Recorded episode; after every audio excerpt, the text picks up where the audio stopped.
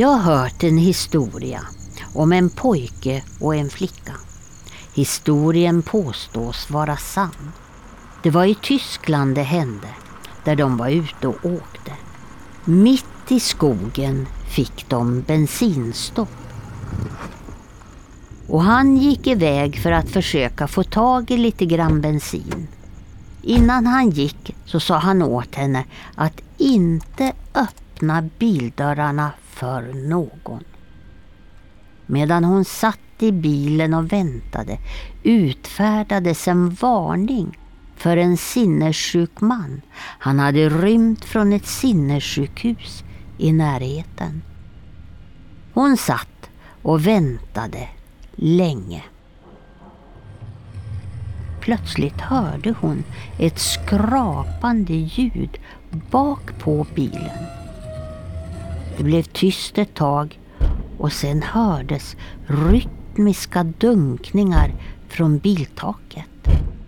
I samma stund såg hon en polisbil med sirenerna påslagna. Polismännen steg ur bilen. De tog fram en megafon och skrek åt henne att hon skulle gå ur bilen och gå emot dem. Hon fick absolut inte titta bakåt. Flickan öppnade bildörren och steg ut. Dunkningarna hördes fortfarande. Men när hon hade gått en bit från bilen gjorde hon det som hon absolut inte fick göra.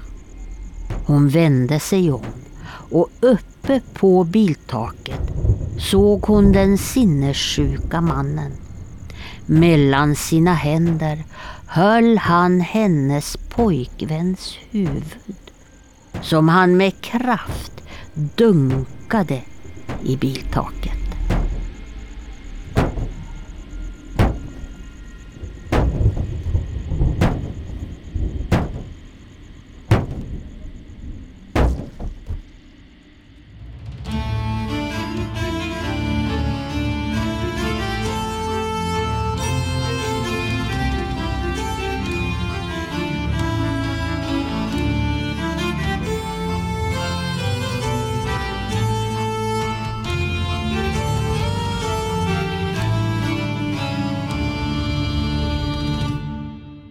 Hej och välkommen till podcasten när man talar om trollen med mig, Lars Wahlström ifrån Oknytt och eh, som vanligt Tommy Kosela som är doktor i religionshistoria. Hej på dig Tommy! Hej Lars! Idag har vi ju ännu ett eh, väldigt spännande tema och eh, vi är ju den här podcasten där vi pratar om folktro och traditioner och olika sägner och liknande. Och vi har ju fått otroligt fin respons. Och, och eh, vill man stötta oss på lite olika sätt så har vi ju bland annat en Patreon-sida där man kan eh, gå med och ta del av olika eh, bonusmaterial som vi lägger ut lite nu och då. Och så kan man även lyssna på Evas fantastiska inläsningar här. Men eh, du Tommy, det här temat som vi har idag är ju lite speciellt. Vi kommer att prata om vandringssägner. Ja, vi kommer att prata om eh, precis vår tids vandringssägner. Eller nutidssägner. Eller contemporary legends. Eller urban myths som det har kallats för. Eller urban legends. Och det är ju en typ av berättelser, alltså sägner med en fast intrig. Som har, precis som förr i tiden, med sägner, folksägner då, hur de har spritts. Så man kan liksom känna igen en berättelse i flera olika länder. Så att säga. Den kan spridas, istället för att den går från mun till mun som den kanske gjorde förr, så kan det alltså, spridas via media eller idag sociala medier och internet mycket snabbare, eller till och med tv och sådär. Att man snabbt kan få liksom, en berättelse spridd över stora delar, men man känner igen huvudintrigen. Och därför kan man ju säga att det är en vandringssägen som liksom mm. har vandrat.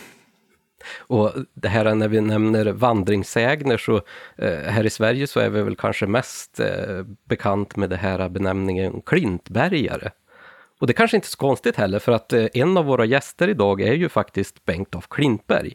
eh, som har skrivit flera böcker om just ämnet och forskat väldigt mycket i det här. Och vi har ju också en annan spännande gäst med oss idag också och det är ju då Jack Werner som har forskat mycket på källkritik och faktaresistens och eh, även just moderna vandringssägner.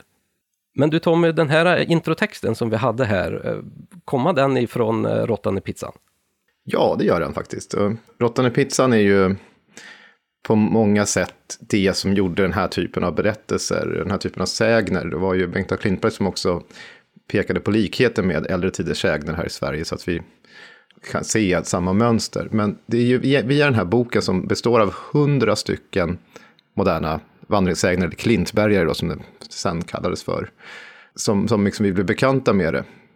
Och jag minns ju själv när jag växte upp så, den här boken kom ju ut 1986, jag var ganska liten, men eh, på skolgården och sådär så, många av de här sägnerna som han har samlat, alltså traderades ju muntligt eh, mm. i den miljön jag, på skolgårdarna. Så den här första berättelsen vi hörde exempelvis har ju jag hört som en skräckberättelse och jag var faktiskt ganska skraj för detta. Alltså, man får ju, det är det som gör att de här är så starka, att det är någonting som fastnar i berättelsen. Just i den här varianten, den svenska då, så är det huvudet som slår mot taket på bilen. Liksom. Och det kom jag ihåg att det var så himla kusligt.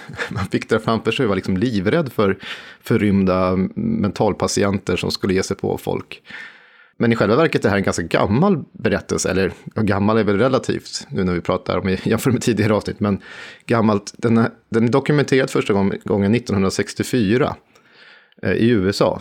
Och då hade den en ganska annorlunda form. Så att den här berättelsen som på engelska kallas för The Boyfriend's Death. Eh, den första gången så var det en folklorist som heter Daniel R. Barnes vid University of Kansas som eh, upptecknar den här från en 18-årig student då. Och då ser den ganska annorlunda ut. Precis som sägner brukar vara så har den i den här berättelsen som då finns i samlat i en bok som heter The Vanishing Hitchhiker av Jan Harold Brunwalds. Den kom ut 1981. Som är som en klassiker, alltså en riktig klassiker internationellt sett på den här typen av berättelser. Och han beskriver den här berättelsen och olika varianter på den också. Och det här är intressant också om man jämför sig med Bengt Klintbergs eh, svenska version här. Men i den här första som han har då, då är, då är liksom, som det brukar vara så har han liksom en plats där, där sakerna skett. Han, liksom, det finns en väg som svänger av från liksom en 59ans highway eh, vid Holiday Inn. Så liksom, allting är liksom specificerat på platsen. Men då är det inte huvudet och sådär, utan då är det, och det finns en betydelse, i poäng med det här också. Så mycket påminner om, om den här som fick höra från den svenska. Men när hon sitter kvar i den här så hör hon istället så hör hon den här skrapande ljudet på biltaket som kommer uppifrån när pojkvännen har gått ut. Och då säger han så här scratch, scratch, scratch, scratch. Och då visar det sig sen att eh, hon vågar inte gå ut och sen så kommer en massa folksamling och ber henne gå ut sakta och så där. Hon ska egentligen titta bakåt, men eh, hon gör det och så ser hon då att hennes pojkvän hänger, alltså han är hängd eh, ovanför bilen och det är hans tår eller fötter som skrapar sådär när han vinglar fram och tillbaka. Ibland hänger han upp och ner och då är det naglarna som drar och det är blod och sådär så att man ökar den här dramatiska effekten att det ska bli mer och mer läskigt. Men just i Sverige, och det är det här eh, skriver ju Klintberg då, så det är vanligt att det är huvudet som slår för att man har inte den här eh, hängning hängning inte lika vanligt, alltså som man säger avrättningsmetod och i USA har en helt annan förankring kulturellt sett. Och i Sverige så är det vanligt att någon har just en brevvän någon säger sig känna någon som är brevvän med någon som helt plötsligt slutar skriva. I, i Tyskland, ganska vanligt. Mm. Eh, och eh, det är först när man får reda på varför den här personen inte skriver, ja men då är det den här flickvännen som har varit med om eh, själva, eh, som har suttit i bilen då, mm. sägs det. Så ja, den är, den, är, den är väldigt skrämmande och kuslig och väldigt, väldigt effektfull. Ja, den är ju det. Och det är ju kul när du säger att den är så pass gammal, eller i, det, den tidsspann som vi brukar prata i alla fall. För att vi fick faktiskt en kommentar av Eva som läste in den här texten. Hon sa att den här har ju jag hört redan när jag var 12 år gammal. Och det är ju mm. i alla fall över 50 år, säger hon. Så att det är ju väldigt spännande att se att den kommer in i Sverige till exempel väldigt tidigt också. Ja, under första hälften av 70-talet. Ja, precis. Och att den har den här förändringen, att det är eh, just eh, att det är ett avhugget huvud istället som står och dunkar nu. Liksom. Men när vi pratar här om eh, vandringssägner, vi pratar ju i vanliga fall om sägner också.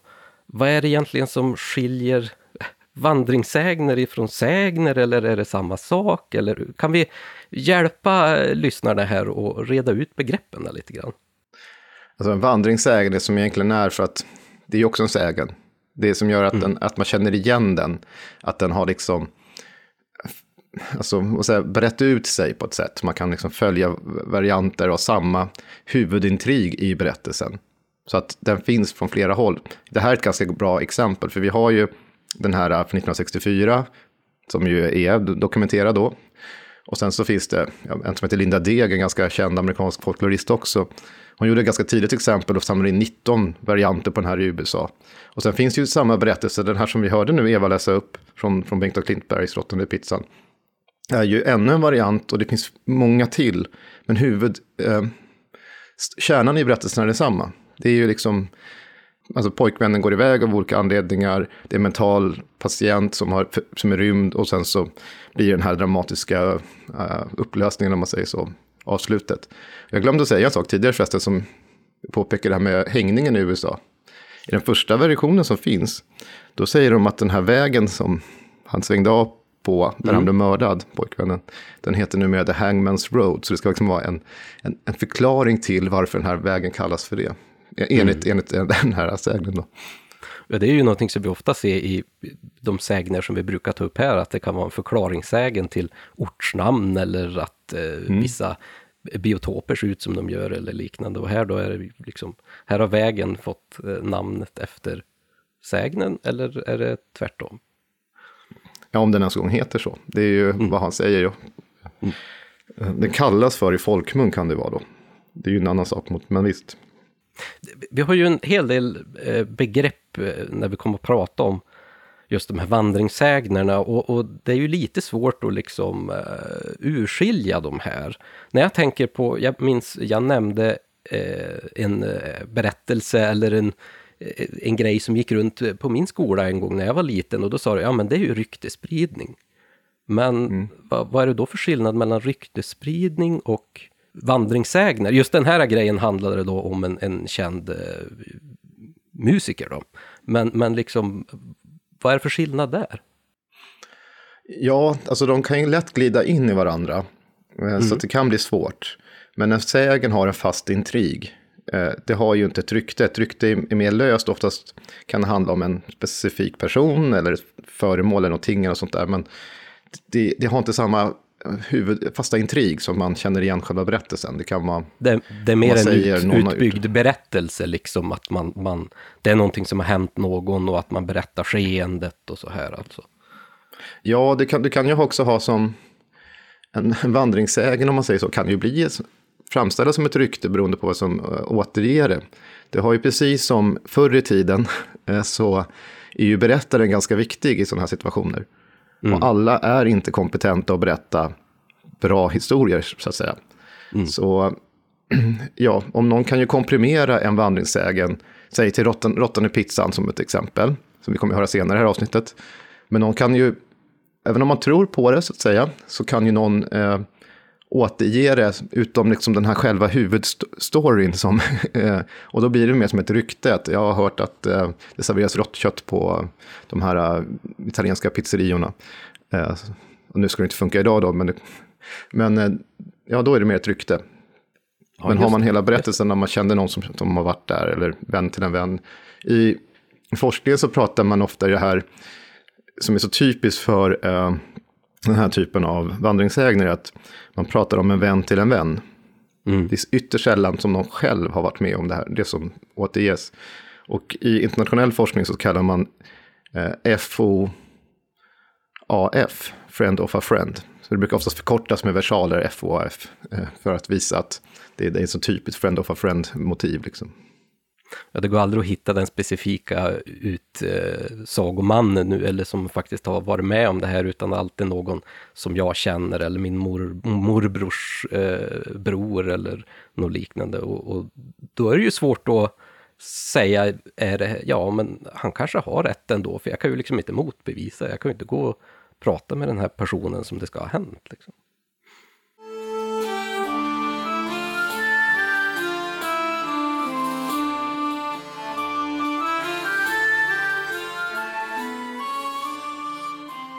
Och på tal om det här med, med liksom skrämmande sägner så har vi ju en till här som vi, vi borde lyssna på. Och, eh, den är ju lite äcklig faktiskt, så att eh, jag kan ju faktiskt eh, förvarna lyssnarna lite grann här.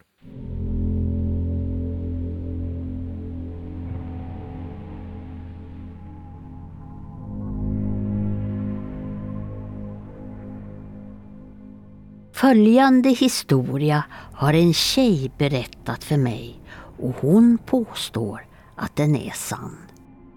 Det var en flicka som hade varit på semester i Gambia och när hon kom hem hade hon en böld på kinden.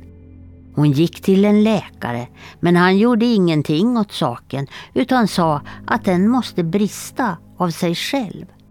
Men bölden växte och växte och till slut så gick hon till en annan läkare men han gav bara samma förhållningsorder. Bölden blev ännu större och en natt när hon låg i sin säng kände hon att den började brista. Hon gick upp och tände lampan och tittade sig i spegeln och ut ur bölden kryllade massor av små spindlar över hela kinden. Flickan, hon finns på mentalsjukhus nu.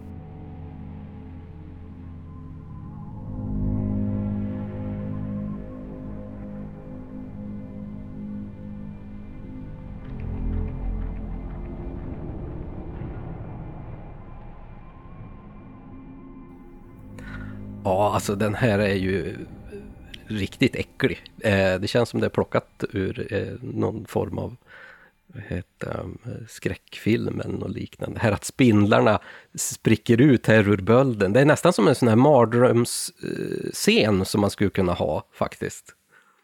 Jag tycker, ja precis. Det här är också en sån sak som jag minns. Den här kommer ju också från Råttan i pizzan. Mm. Men det här är också någonting som jag minns eh, sen barndomen hur vidrigt och då också när man hade någon finne eller någonting som var stor så var man ju kanske lite skraj för att det där skulle, tänk om det var någonting annat. Men var den här, jag ska bara säga en, en till sak här förresten. Den här sägnen hörde jag berättad som sanning för bara ett par år sedan, alltså precis när coronan här, kan ha varit 2018, 2019 någon gång. Så satt mm. jag på en buss i Stockholm och eh, hörde två ungdomar som pratade med varandra. Varav den ena berättade för den andra om en kompis som hade hört om någon. Och då hade jag också fått en böld, eh, fast inte, det hade varit in i munnen den här gången. Uh. Men den här personen berättade på som, precis som, man kände igen den här från Bengt och Klintberg här.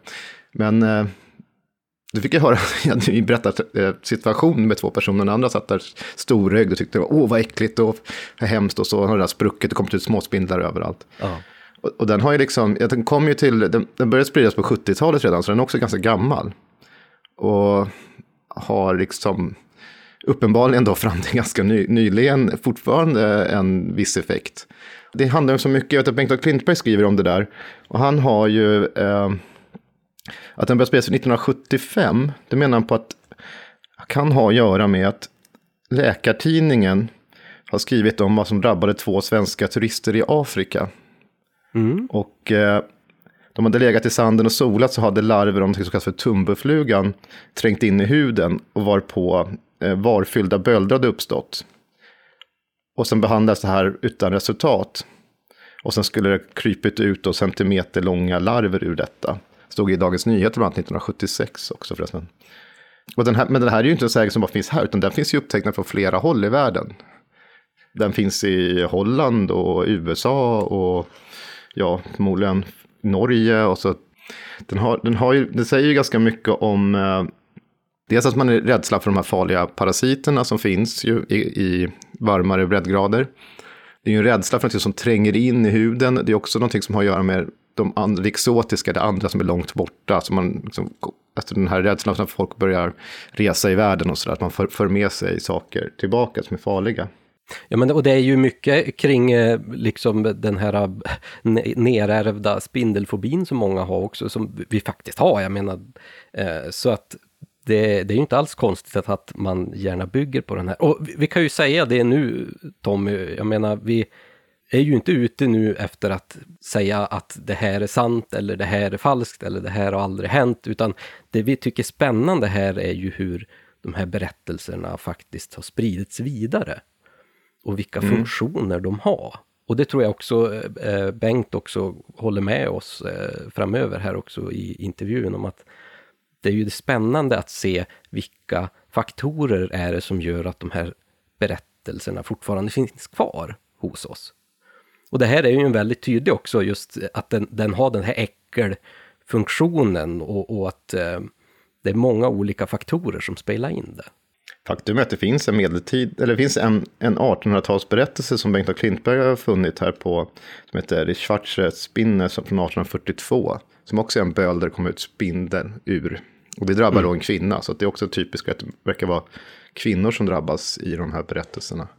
Men visst, som du säger så är ju inte, är det här sant eller inte? Det är någonting som också i mitt dagliga arbete som det är ofta det man får frågan om det är någonting konstigt som har hänt. Och inte minst gällde det när clownskräcken lamslog eh, Sverige och stora delar av världen. Man fick hela tiden, och även andra saker, de, liksom, de vill veta, är det här sant eller inte sant? Eh, jag vet inte, som, som folklorist, om man jobbar med folkloristiskt material, då är det ju berättelserna i sig, vilka mekanismer, vad, vad de symboliserar för människan.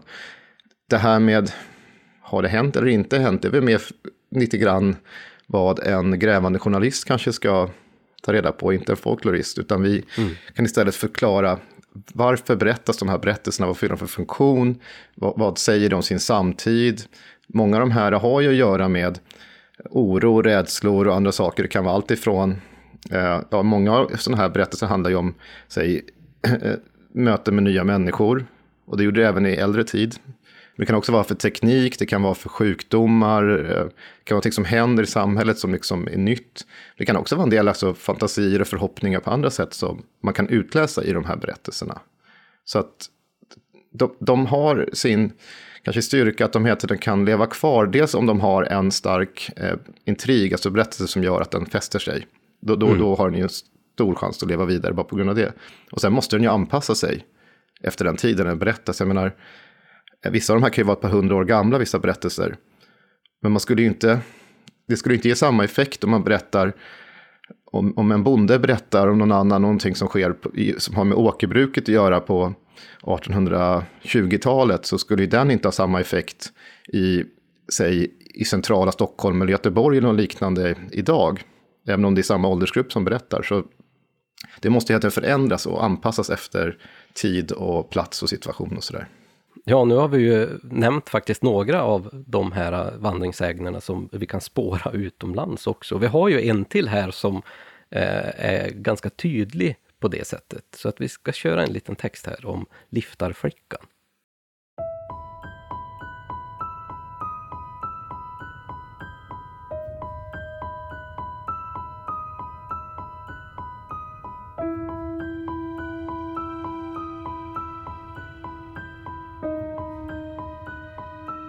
Två killar kommer åkande i den enes bil genom ett villaområde.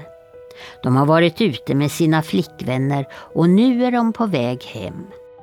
Ute duggregnar det. Plötsligt får de se en flicka stå och lifta vid vägkanten. Hon är alldeles blek och hennes ljusa kappa är nedsmutsad. De bromsar in och hon springer fram till bilen. Snälla ni, låt mig få följa med, säger hon. Jag har just varit med om en bilolycka. Min pojkvän sitter fast i bilen en bit härifrån. Jag bor alldeles här i närheten. Om ni skjutsar mig hem så kan jag ringa efter ambulans. De låter henne kliva in i baksätet och så kör de så fort de kan till adressen som hon säger.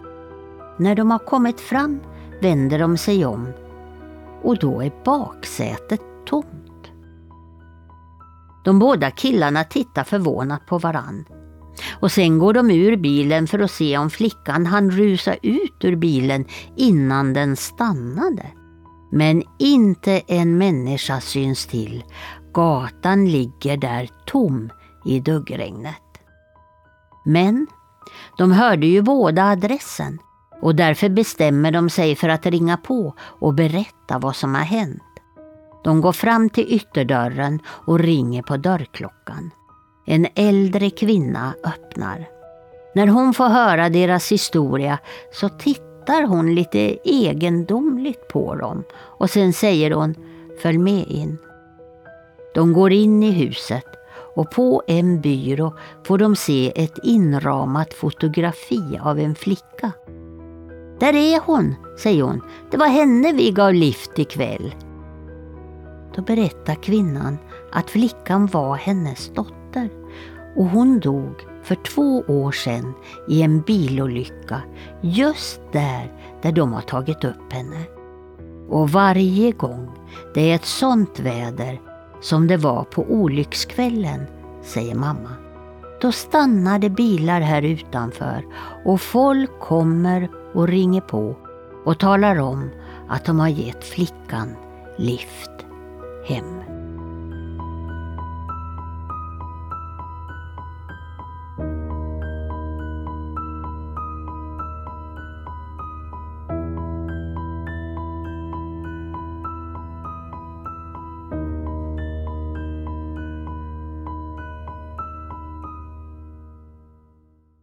Alltså du Tommy, det jag tycker är lite speciellt med just den här äh, som vi hörde nu, som var lite skräcklik också med den här liftarflickan, är ju att den fortfarande har lite drag av det här övernaturliga som vi kanske oftast tappar lite grann i de här moderna sägnerna som vi har som inte innehåller lika mycket kring spöken, olika väsen och tomtar och troll och liknande.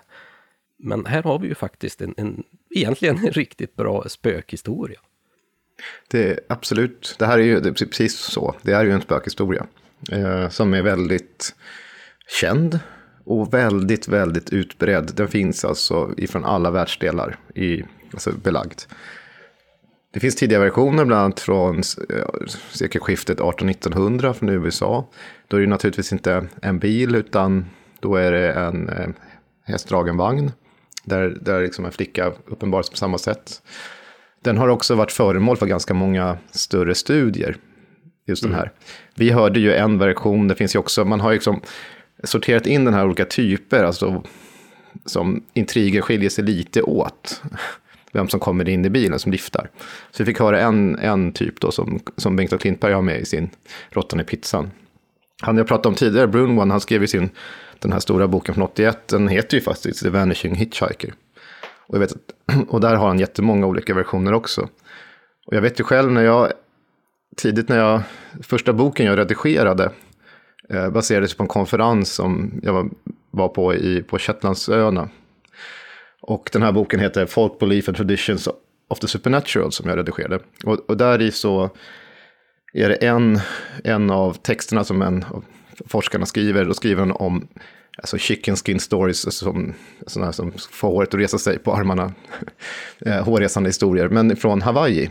Och, där är också, och då är det Pele som är då eh, vulkangudinnan som visar sig som en äldre kvinna, ibland som en ung kvinna i bilen istället. Så man kan känna det här svaveloset och sådär. Den, den, säger, den har ju varit med i populärkulturen också. Vi har ju sett det här motivet har förekommit i film. Och för, för övrigt, jag säger det så, en modern tid, så även på ett samma tillfälle på Shetlandsöarna när vi var där, då var vi på ett bryggeri som heter Val, Valhall Brewery, som jag tror är nordligast belägna bryggeriet på de brittiska öarna. Eh, men eh, ja, hur som helst, där, där hade de en öl som handlade om, som hette, eh, vad hette den, en Vanishing Hitchhiker och sånt där, men det var en kvinna och så fanns det ju så självklart en lokal sägen om vart det där ska ha skett och om den här som har dött och som har visat sig i bilar på särskild sträcka. Så den, är, den är väldigt kuslig och den, den dyker upp i många nya former. Den funkar väldigt bra idag också när vi är så många fall bilburna.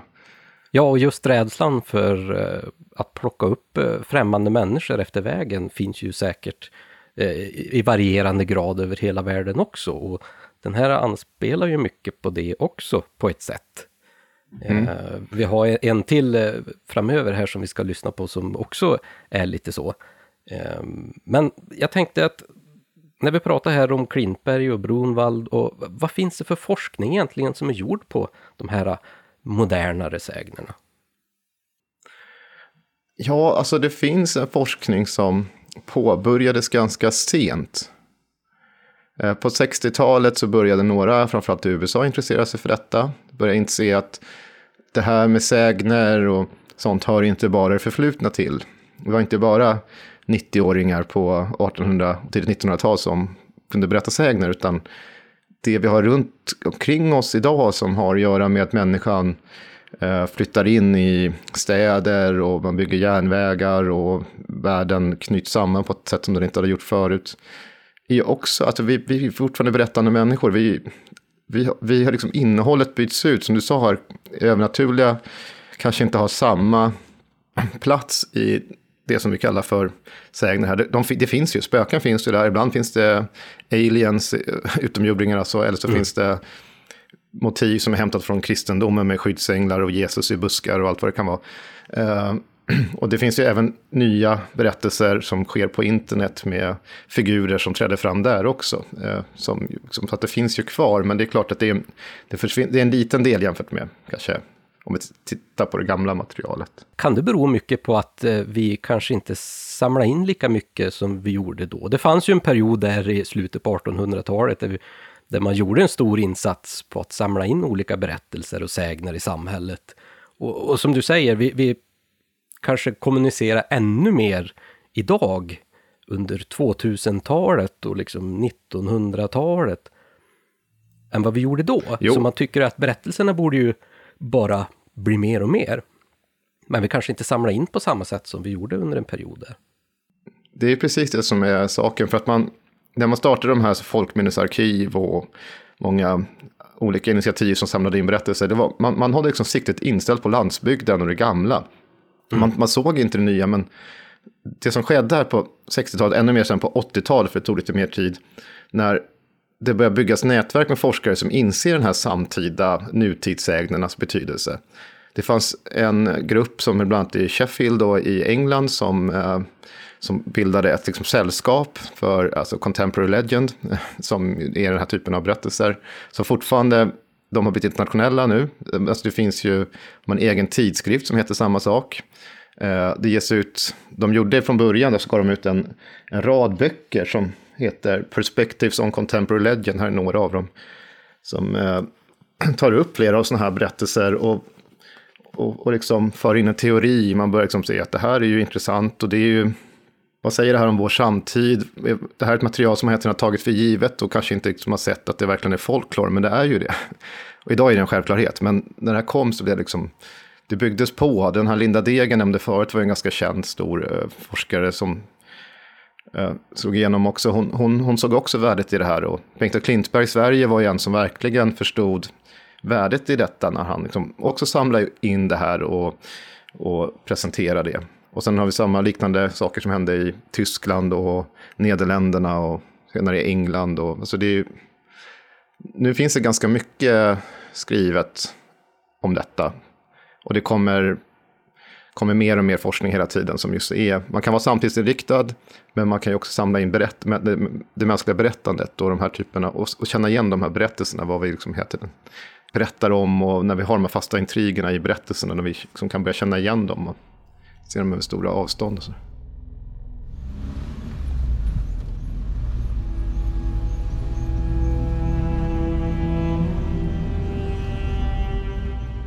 På vägen mellan Rättvik och Mora, några kilometer vänster om Vikarbyn, brukar det stå en tjej och lifta. Det har hänt flera gånger att bilister har stannat och tagit upp henne. När de har åkt några hundra meter så börjar tjejen skrika ”Släpp av mig! Släpp av mig!” Och då släpper de av henne, såklart. Men när hon kliver ut så ser de att hon har ett stort hål i ryggen och det är alldeles maskätet. Det är en mördad tjej som går igen För många år sedan, när flickan fortfarande var vid livet, så hade hon stått och lyftat på just den här platsen. Och då hade det varit en kille som stannade och plockade upp henne. Men istället för att åka dit hon ville så svängde han efter några hundra meter in på en skogsväg där han våldtog och mördade henne. Det sägs att flickan väntar på att gärningsmannen ska åka förbi och plocka upp henne igen så att hon äntligen får sin hämnd.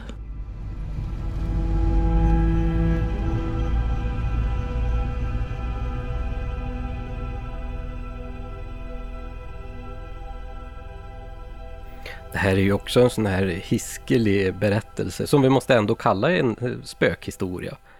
Eh, och den här var ju då uppläst av eh, Mikaela för att eh, vi skulle få in eh, lite blandning på rösterna i det här avsnittet för att det, det känns ändå som att det passar så bra när det handlar om de här modernare sägnerna som vi pratar om idag. Och att det är, att ett övernaturligt väsen i det här fallet eh, råder det ju inget tvekan om. Det är också en spökhistoria. Jag tycker det är intressant detaljen som eh, framträder här, att hennes rygg är ihålig. Mm. Det för ju faktiskt tankarna då till eh, ett annat väsen som vi haft ett helt program om, som är då skogsrået. Som ju är det väsen i det äldre förindustriella samhället som särskilt förknippades just med den här att man har en ihålig rygg eller någonting som avviker helt från det normala, om det var mörken trästam eller något sånt.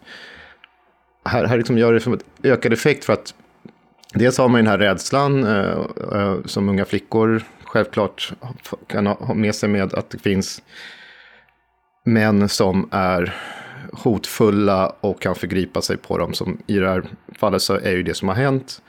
Men den här detaljen med just det här hål i ryggen är ju inte då rimligt egentligen. Det är, för, det är snarare ett övernaturligt motiv som förs in här för att öka den här dramatiska effekten. Sen vet jag att när Bengt A. Klintberg hade med den här i sin bok Den stulna njuren. Som också är en samling av hundra sådana här vandringssägner. Så den versionen han hade upptecknat så var det två unga flickor som hade läst sin tillsammans. Och när de hade skrikit det här släpp av mig, släpp av mig, hade det liksom varit en fördröjning, ett eko nästan som de hjälptes åt där. För man får ju helt enkelt komma ihåg att när de här berättelserna berättas så ska det ju göras med en viss effekt, annars, jag menar, för att de ska vara trovärdiga och skrämma folk. Och tänk att det sitter ett, en grupp unga tonåringar exempelvis och berättar för varandra. Så desto bättre berättare du är, desto större dramatisk effekt får ju din berättelse. Mm. Så att alla de här eh, knepen och metoderna är ju viktiga för en berättare. En vandringssägen som vi redan har nämnt flera gånger när vi har refererat just till de här vårtidssägner, det är ju just den här klassiska råttan i pizzan. Och den har ju liksom fått stå som rubrik eh, och som huvudsägen för Bengt af Klintbergs första bok till exempel. Så att vi ska ta och lyssna på den nu så, så får vi verkligen förstå vad den handlar om.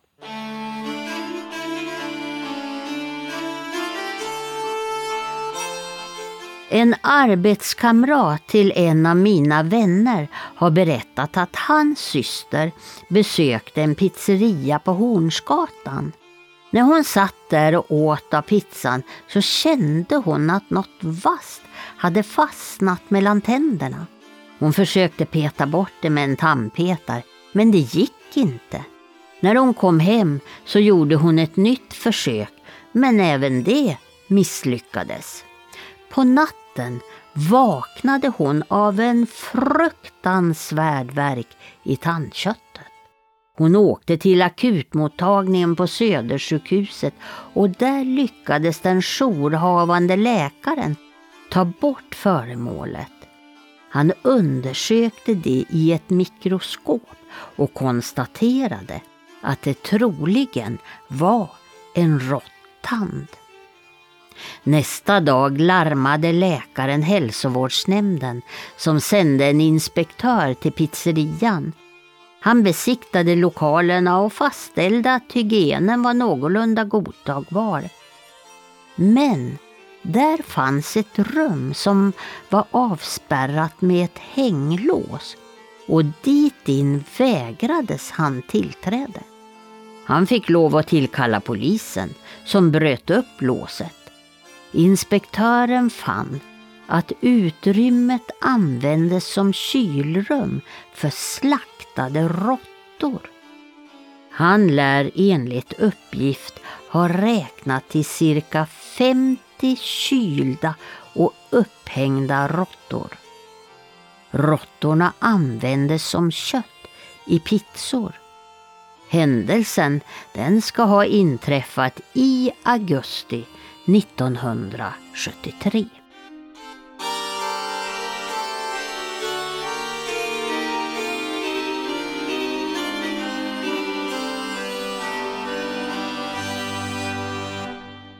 Det här är ju en sån himla klassiker och jag själv har ju hört den i många olika varianter, vet jag ju. Just den här varianten hade man ju också till och med ett datum när det skulle ha hänt också. Men vad kan vi utläsa egentligen ur den här eh, sägen? Ja, dels kan vi utläsa, som i många av de här, eh, skräck för någonting som är nytt och främmande. I det här fallet så är det ju en typ av restauranger, pizzerior i Sverige 1970, tre när de här larmen började sprida sig kom ju som TT-nyhet och var i DN och annat. Var ju, alltså, det var ju nytt och främmande, de hade inte liksom full kontroll över den här ty nya typen av mat. I andra länder, i England så kopplades det här ibland ihop med indiska eller kinesiska restauranger. Så det, det är typiskt man pekar ut en annan grupp hela tiden, att de ska stå som någon slags syndabockar för det här nya exotiska som man inte har, vet så mycket om. Det här skulle ju vara nästan otänkbart idag, men det finns väldigt mycket berättelser som handlar om pizzor. Eh, det kan, kan vara sperma på pizzan, för att ta någonting annat eh, extremt. Som också är en berättelse som Bengt Klintberg har med. Alltså det, och det finns i USA så finns det någonting som också har med mycket friterat och sådär. Att någon får friterad mat, ibland är det en viss kedja som pekas ut. Att de har, man har funnit alltså, benbitar, foster och allt möjligt. Cokelore finns något som kallas för att man har i flaskorna. Coca-Cola det kan vara en död liten mus som ligger i den. Det, där, det här sprids ju även idag på internet eh, som nyheter, att man kan se då bilder på någon som har hittat något superäckligt i, i någon mat. Och oftast är det ju särskilt en speciell, idag då en, kanske snarare en kedja som pekas ut som är känd. Kan vara McDonalds, kan vara någonting annat, kan vara Ehm, um, KFC eller någonting sånt som då får stå som syndabockar för detta. Sen, sen är det ju sagt, uh, ja, som är mycket av det här uh, när det gäller vandringssägner av den här typen, så kanske vi ska tänka på att, att, att man skulle ha råttor i pizzor, det kan vi ju nästan det kan vi ju bortse ifrån att det skulle vara sant. Det är väldigt orimligt. Ingen, ingen pizzeria skulle servera råttkött, men skulle det, hur skulle det se ut? Och sen har det ju också att göra med eh, råttan som någon slags eh, bärare av allt möjligt ont i en stadsmiljö. Man har ju liksom det är, det är liksom det äckligaste av det äckliga för många, vad tänker mm. sig, just råttorna. Så de får liksom stå som ännu värre syndabockar här.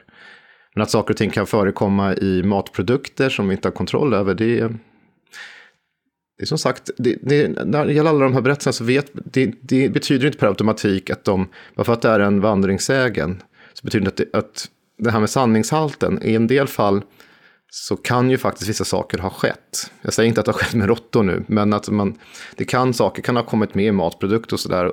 Det kan ha hänt någon gång, något tillfälle, men alla dessa berättelser som uppstår är ju å andra sidan det är typiska vandringssägner. Det är sen hur man har berättat att de poppar upp på tio platser eh, under kort tid. Det är ju, de flesta är då absolut inte, har ingen liksom verklighetsbakgrund överhuvudtaget. Men som sagt, man ska inte blanda ihop detta med just råttan i pizzan nu då. Utan det, jag tänker bara rent generellt om vandringssägner. Mm. Och vi kan ju förresten säga här till, till våra yngre lyssnare, säger jag, som om jag skulle vara jättegammal, men, men att det handlar här just om råttan i pizzan är ju lite speciellt och med tanke på att den kom när de kom. För pizzerier har ju inte alltid funnits i Sverige. Utan det är ju en ganska ny rätt som har kommit in i vårt samhälle. Precis som många andra rätter har kommit in eh, efter det. Och då är det ju klart, då är det ju väldigt lätt att kunna hitta de här berättelserna som florerar kring just de här nya, lite spännande sakerna som har kommit in som man inte riktigt har koll på. Och sen kan det ju naturligtvis också vara kopplad till en viss typ eh, av eh, folkgrupp eller eh, främlingsfientlighet och liknande också. Beroende på vart eh, de här maträtterna kommer ifrån och liknande. Så att Eh, men tanken här att man skulle få kanske billigare kött bara för att man hade råttor, det tycker jag låter lite bökigt snarare att stå och eh, försöka att slakta en massa råttor än att faktiskt köpa riktigt kött. Ja, utom att ha kontroll så borde det ju rent tekniskt vara dyrare att jaga råttor och, och slakta dem än att köpa färdigt kött nu i era fabriker. Och nu när vi har lyssnat på den här typisk klassiska berättelsen så kanske vi ska lyfta in vår första gäst, Tommy. Vad tror du om det? För att den här råttan i pizzan har ju fått stå för en bok också och det är ju då Bengt af Klintbergs första bok om just vandringssägner, Råttan i pizzan. Och han är ju professor i folkloristik och är författare och har ett 50-tal böcker bakom sig mm. just om folkloristik och eh, sägner och historier. Så vi, vi kanske ska prata lite grann med han om just hans böcker.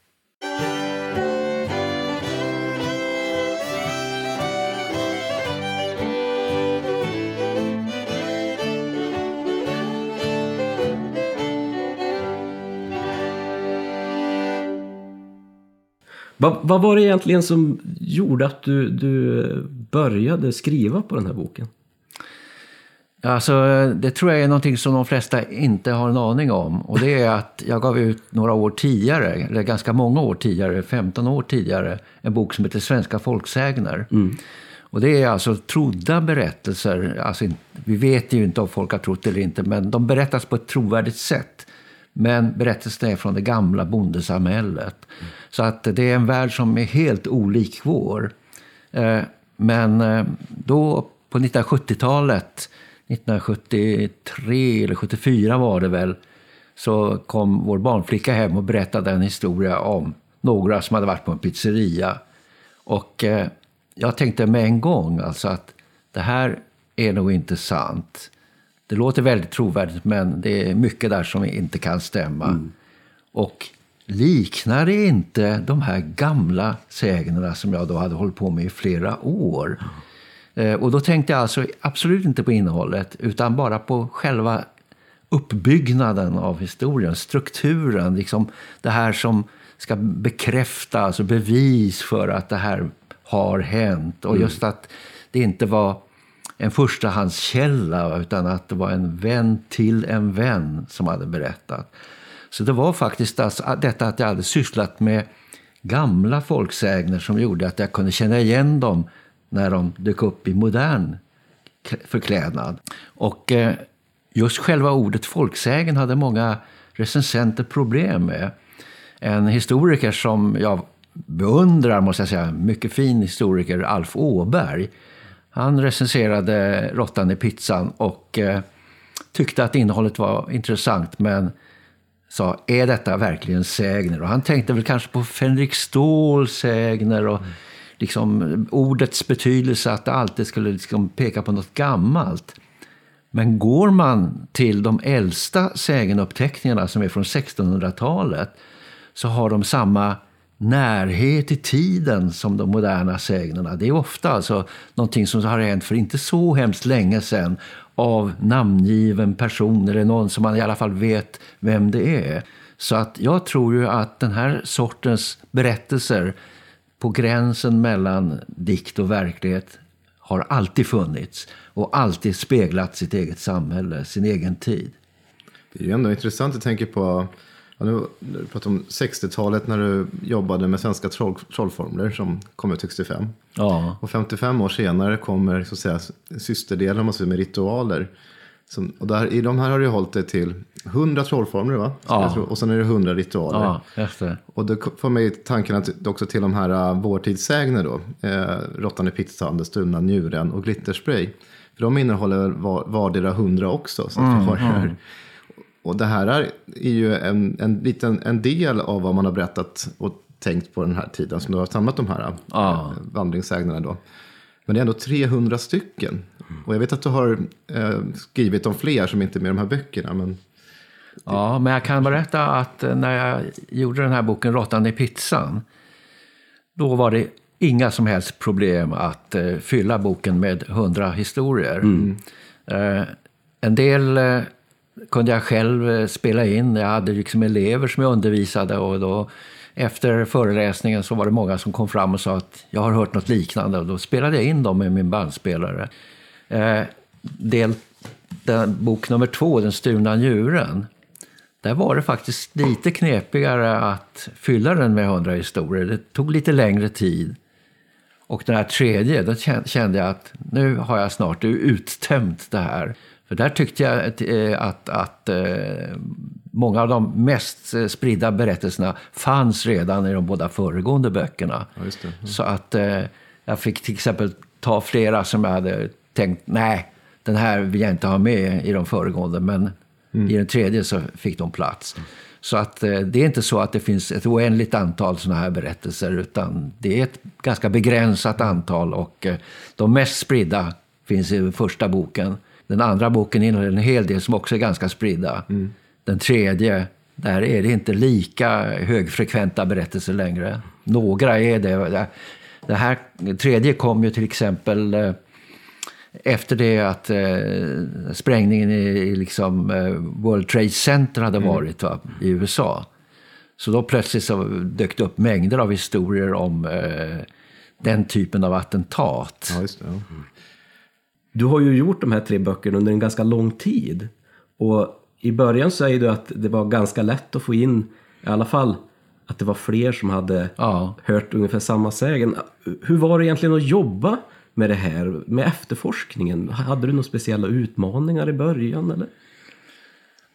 Ja, alltså det intressanta var att eh, det här, eh, de här böckerna tillkom i en tid då den vetenskap som jag är verksam inom, folkloristiken, förändrades ganska mycket. Och det blev väldigt mycket eh, tonvikt på performance och, och sådana saker.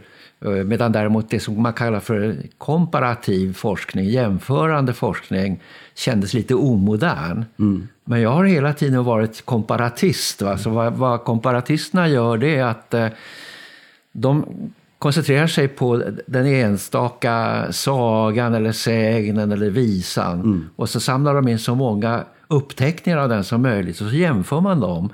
Och då kan man se liksom att det här, den formen är äldre än den som vi har. Till exempel råttan i pizzan. Där fanns det alltså en form i England där det inte var fråga om råttor utan om kattkött. Mm. Ja, och den var klart äldre än den som sen kom till Sverige. Mm. Så att eh, vad jag har gjort det är att jag har arbetat på samma sätt som folklorister har gjort kanske i hundra år.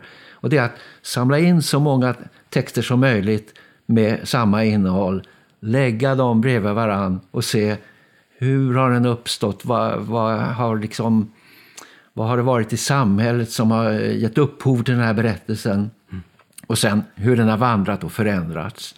Så att eh, när det gäller metod så är jag inte på något sätt förnyare. Däremot kan man säga att jag blev förnyare genom att jag valde ett material mm. som folklorister före mig inte hade varit inne på.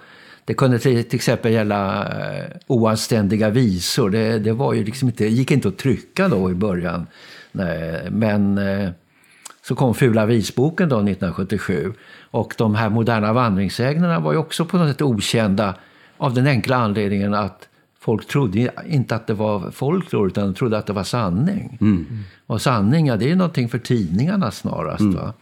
Så att eh, väldigt mycket av de här moderna vandringsägnerna hittade jag ju som tidningsartiklar som ibland eh, var i god tro, att man trodde att det här var, hade hänt. Och ibland så var det liksom att man från tidningens sida ändå ville liksom, det här vet vi inte är sant, men det är ändå intressant att så många människor går på det. Va? Mm. Så då skriver de om det. Så att, eh, för mig var alltså muntliga berättelser och tidningsartiklar det var mina viktigaste källor. Alltså, du släppte ju den här första boken 86. Hur togs den emot egentligen?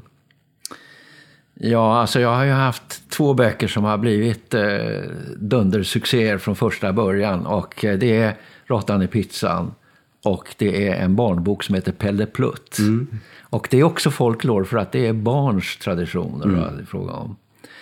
båda de böckerna har från det att de kom ut så har det bara liksom nya upplagor hela tiden. Och eh, recensionerna har varit väldigt positiva för båda. Vad var det som gjorde att det blev en su succé? Var det något speciellt i samhället just då? Eller har du liksom jag, tror, eh, jag tror att det berodde på att eh, så många som läste dem kände igen historierna och hade trott att de hade hänt. Mm. Och då blev det på något sätt lite sådär, kanske nästan lite pinsamt ibland. Va? Att, Aj då, jag har gått på den här historien som vi kände över hela västra mm. halvklotet. Mm. Och den, det, det, är ju många av de här berättelserna märker man ju också är eh, de är ju så pass nära att det skulle kunna hända, mm. vilket gör, gör dem väldigt trovärdiga på något sätt. Ja, en sak som jag tycker vi ska klara upp för mm. de som hör på oss nu, det är att jag har aldrig sagt att alla moderna vandringssägner är osanna. Mm. Vi vet ofta inte var och i vilket sammanhang de uppstått. Och det finns, eh, även om det inte är många, så finns det exempel på att det är verkliga händelser från början. Men man kan säga att det, den stora majoriteten av de här berättelserna är uttryck för mänsklig fantasi. Mm. Hur, hur, vi har tolkat och tolkat in saker i kanske eh, någonting som ser ut att vara verklighet.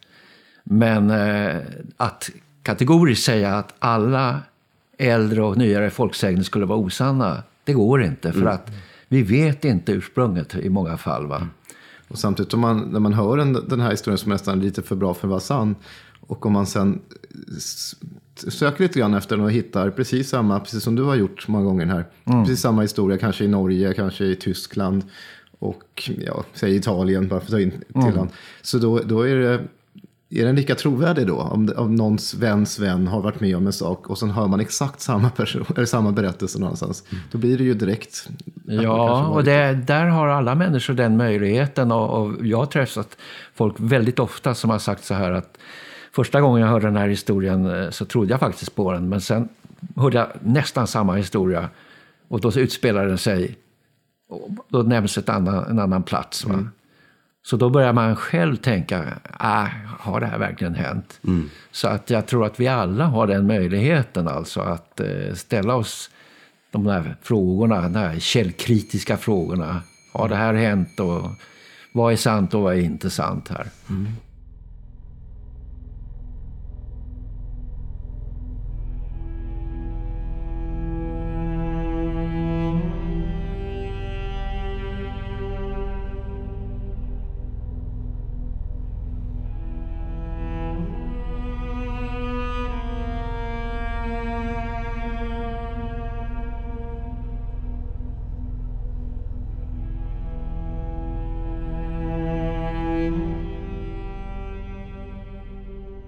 Det var en dam som hade varit borta en kväll hos vänner. När hon åkte hem så kom det en raggarbil, en stor amerikanare och prejade nästan upp hennes bil på trottoaren. Hon kunde se att den var full med ungdomar som satt och halsade burköl. Så stannade hon för ett rött ljus och då körde raggaråket upp jämsides med henne. Några raggare hoppade ut och en av dem började slå på hennes bil med en kedja som han hade lindat runt handen. Hon hörde hur det krasade i plåten och hon blev alldeles livrädd. När ljusen slog om till grönt så åkte hon därifrån med en rivstart när hon kom hem kastade hon sig storgråtande på sängen och berättade för sin man om sin upplevelse. Mannen gick ut i garaget för att titta närmare på plåtskadorna på bilen och då upptäckte han att raggarens kedja hade fastnat i takräcket. Och i andra ändan av kedjan där hängde tre avslitna blodiga fingrar.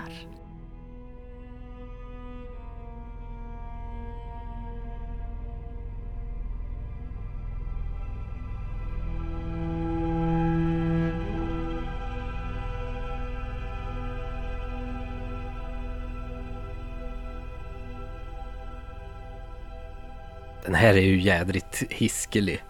Eh, men jag skulle nästan kunna tänka mig att den kan stå i en eh, nyhetsartikel eh, sådär på kvällsnyheterna.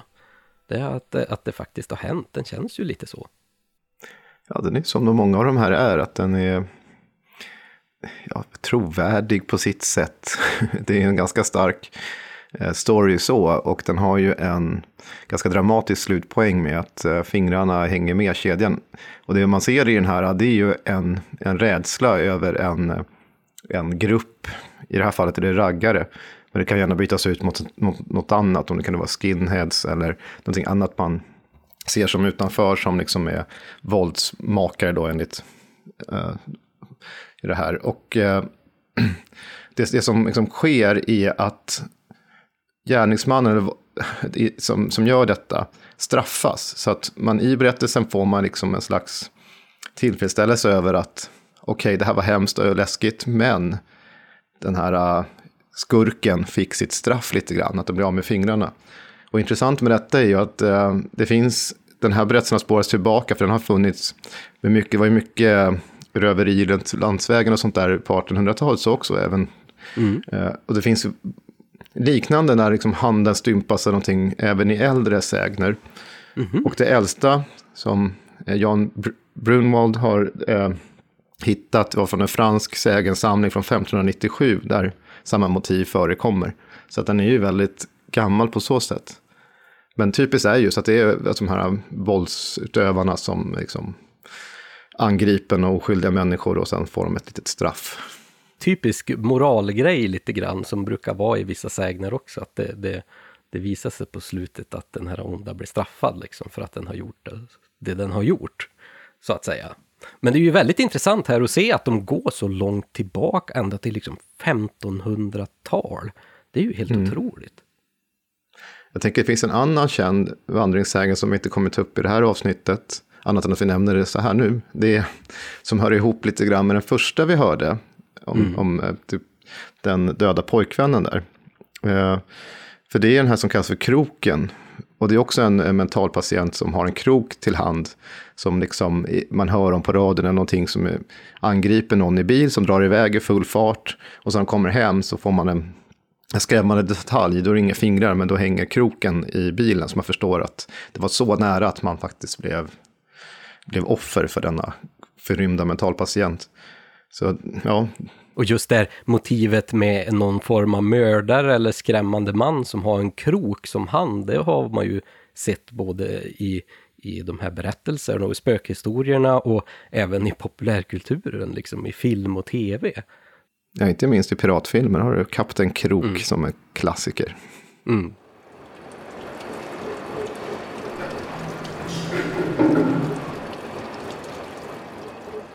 I fabriken där den där goda Sibyllakorven görs inträffade följande en måndagmorgon.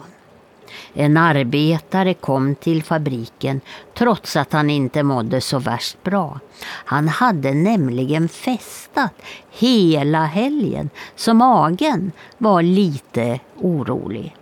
När han stod där och rörde i korvsmeten så kände han plötsligt att han var på väg att få uppkastningar. Han hann inte iväg till toaletten utan spydde rakt ner i korvsmeten.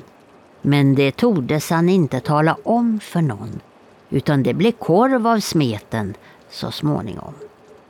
Det här ryktet som jag hörde i mina hemtrakter i Sydnärke av flera personer, det trodde jag inte det minsta på.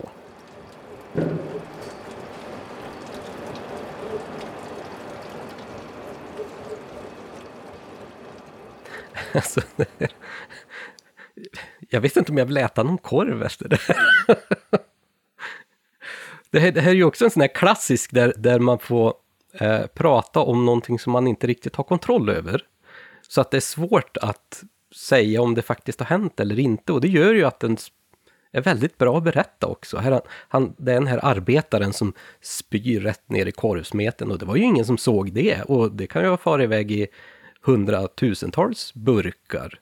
Liksom. Så att det är ju en spännande historia på det sättet. Jag tycker det är lite spännande.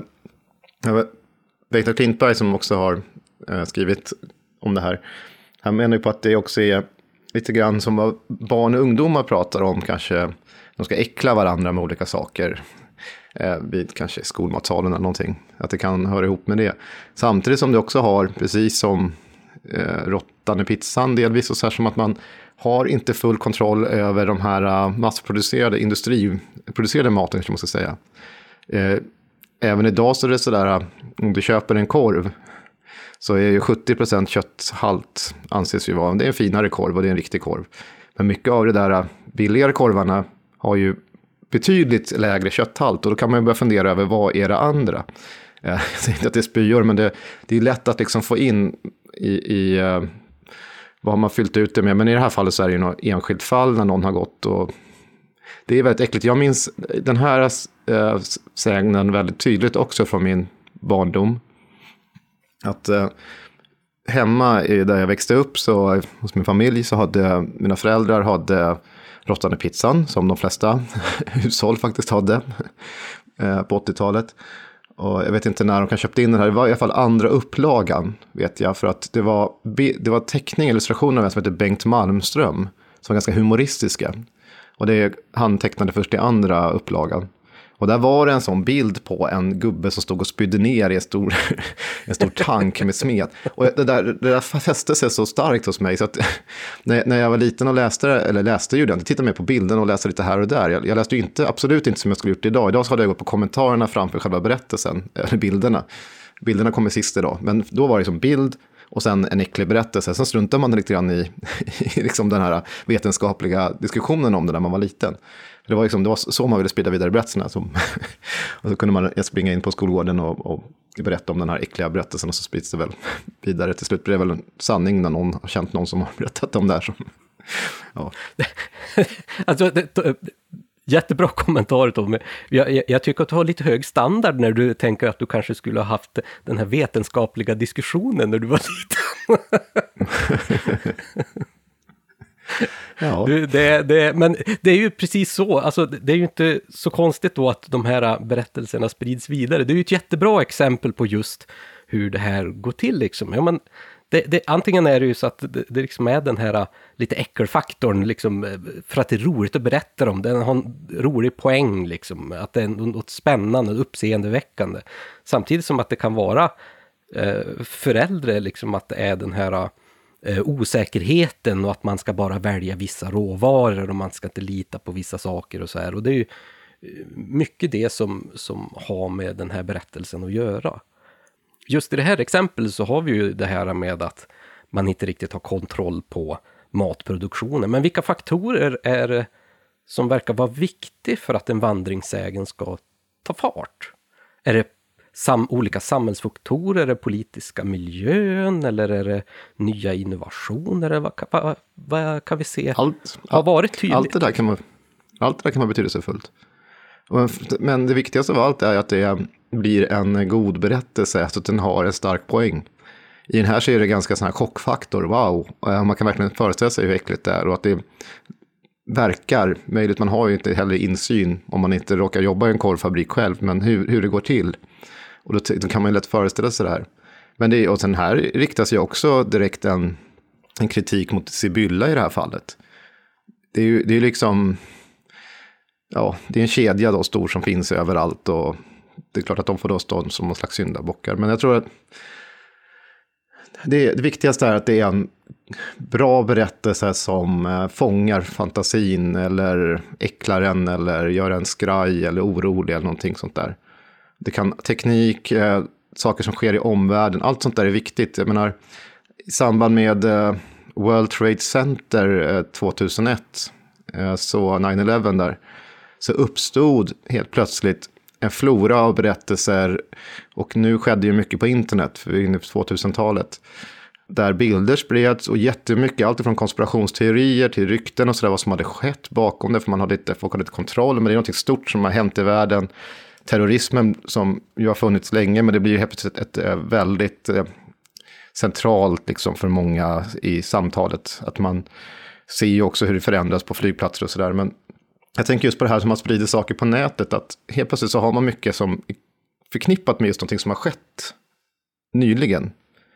Men det kan också vara saker som har att göra med, som du sa, teknik. I en del av de här som Klintberg har samlat in så har vi ju mikrovågsugnar exempelvis som dyker upp i flera berättelser som någonting nytt. Det är folk som stoppar in bebisar i mikrovågsugnar och det är jag själv har hört flera berättelser, jag vet inte om de är sanna heller, men alltså, det är det som är lite poängen. Men någon som har torkat sin katt i en mikrovågsugn och så ska de stämma någon och få pengar för det. Ja, men sån här, mm. För man vet inte hur det fungerar. Alltså det är den här det nya tekniken som man inte har kontroll över. Och jag vet inte hur mycket berättelser som gick när mikrovågsugnen kom om de här strålningarna i den. Hur mm. farligt det var. En gammal arbetsplats jag hade innan jag började på universitetet och sådär, det var ju, eh, ja då var jag brevbärare, men då var det en som var livrädd för eh, och det här var ganska långt fram då. Han var livrädd för mikrovågsugnar så han använde de här värmeskåpen så långt han kunde tills de egentligen forcerade bort dem ifrån arbetsplatsen. För att helt övertygad om att man skulle få strålningsskador och allt möjligt som fanns där. Och det är ju väldigt intressant det där just med strålningen för att det ser vi ju också till exempel på te eh, telenätet när vi fick eh, 3G till exempel för mobiltäckningen. Då var det ju en väldig diskussion om just strålning, om det var bra att ha nära huvudet och nära ansiktet. Och sen dammade av och sen då efter ett tag så kom 4G och då dök samma diskussion upp igen. Och nu är vi uppe i 5G och då hör mm. vi samma typer av eh, snack igen. Liksom. Så att det är ju väldigt intressant att se de här dyka upp vid jämna mellanrum. Och jag tänkte att vi hade ju en väldigt bra diskussion med Bengt här om just det här med sägnernas sanning och spridning. Så vi kanske ska höra mm. lite grann på vad vi pratade om just där.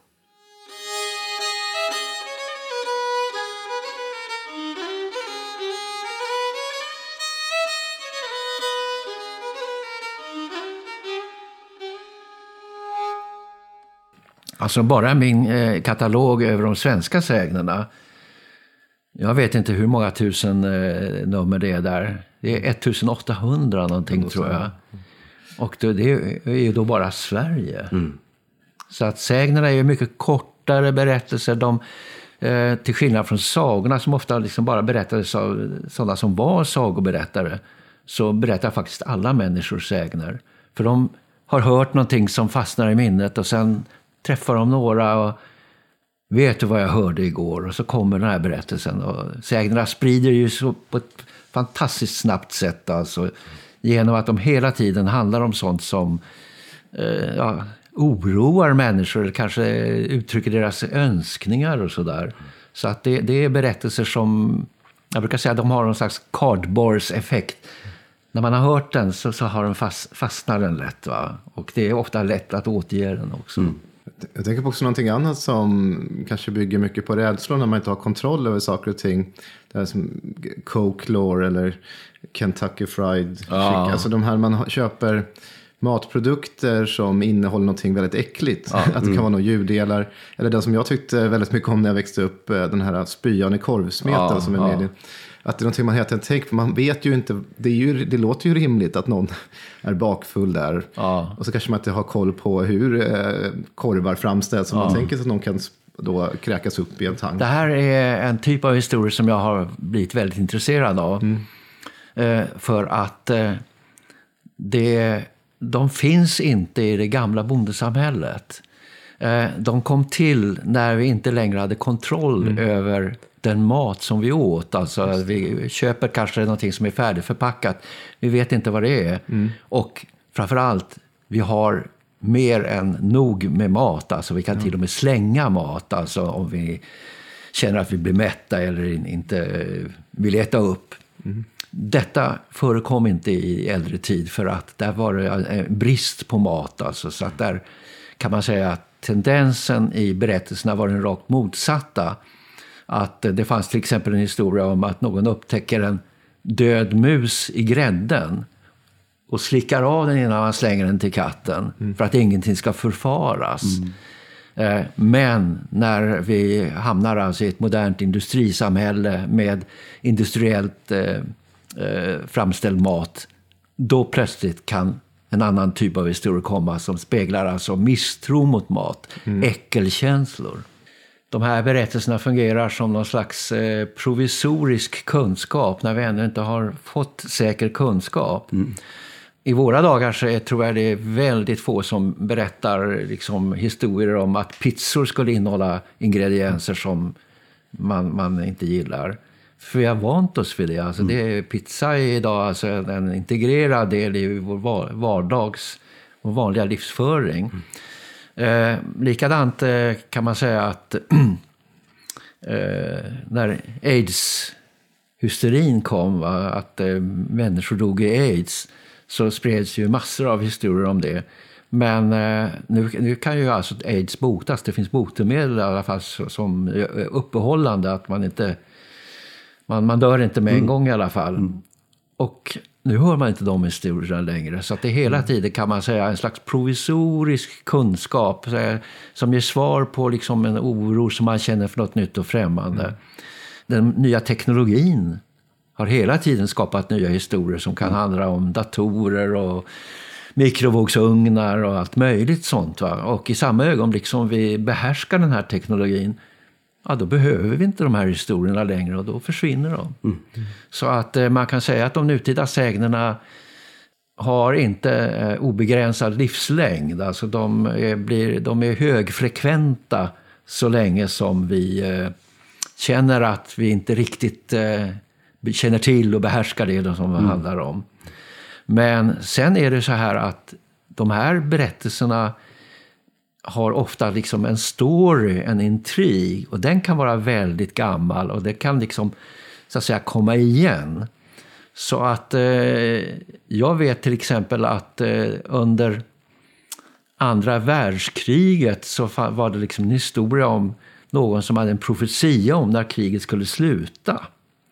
Precis samma historia dyker upp alltså efter millennieskiftet och då handlar det om någon som har fått hum om en, eh, ett sabotage, alltså eh, att någon ska spränga en bomb. Mm. Men det, historien är exakt densamma som fanns under andra världskriget. Ja. Och den där historien som fanns under andra världskriget upptäckte jag berättades redan under första världskriget. Jaha, Så att eh, eh, det har jag skrivit om i en eh, tysk artikel som heter Die Doppelte Prophezeiung. Så att eh, man kan säga att mängder av historier kommer tillbaka med nytt innehåll helt enkelt därför att verkligheten, ja, den upprepar sig. Samma mm. typ av, av eh, händelser som griper in i våra liv kommer tillbaka i lite ny form. Och då kommer de här historierna också till användning igen. Du Bengt, det var ju också någonting som blev lite speciellt också med den här succén och det är ju att vi pratar ju här om vår tids sägner eller moderna sägner eller vandringssägner. Men det kommer ju ett ord som hette klintbergare. Det måste ju ha varit lite speciellt att eh, liksom få, få sätta sitt namn på det här, helt omedvetet. Ja, och eh, faktum är alltså att i inledningen på boken Glitterspray så tar jag upp just hur det där ordet kom till. Alltså det, det det var inte så att det föddes någonstans i folkdjupen utan det var helt enkelt en journalist på Dagens Nyheter som hette Bo Åkermark och som var mycket läst för han skrev alltid på den där lite lätta sidan Namn och nytt. Eh, och eh, efter det att eh, Råttan i pizzan hade kommit ut så använde han det här ordet och var tydligen rätt förtjust i det själv. Så att sen återanvände han det nästan varje gång han skrev om såna här rykten och, och, och, och vandringsägner. Mm. Så ordet klintbergare det kom alltså med jämna mellanrum i Dagens Nyheter och det räckte för att andra journalister skulle haka på. Och eh, jag roade mig med att eh, kolla på nätet eh, frekvensen på ordet klintbergare. Och det var ju inte alls lika vanligt som Wallenbergare som är en slags biff. Mm. Men det, det, var faktiskt vanligare än mollbergare som är ett simhopp. Ja, just det. Vad är det egentligen som gör en, en bra vandringsägen?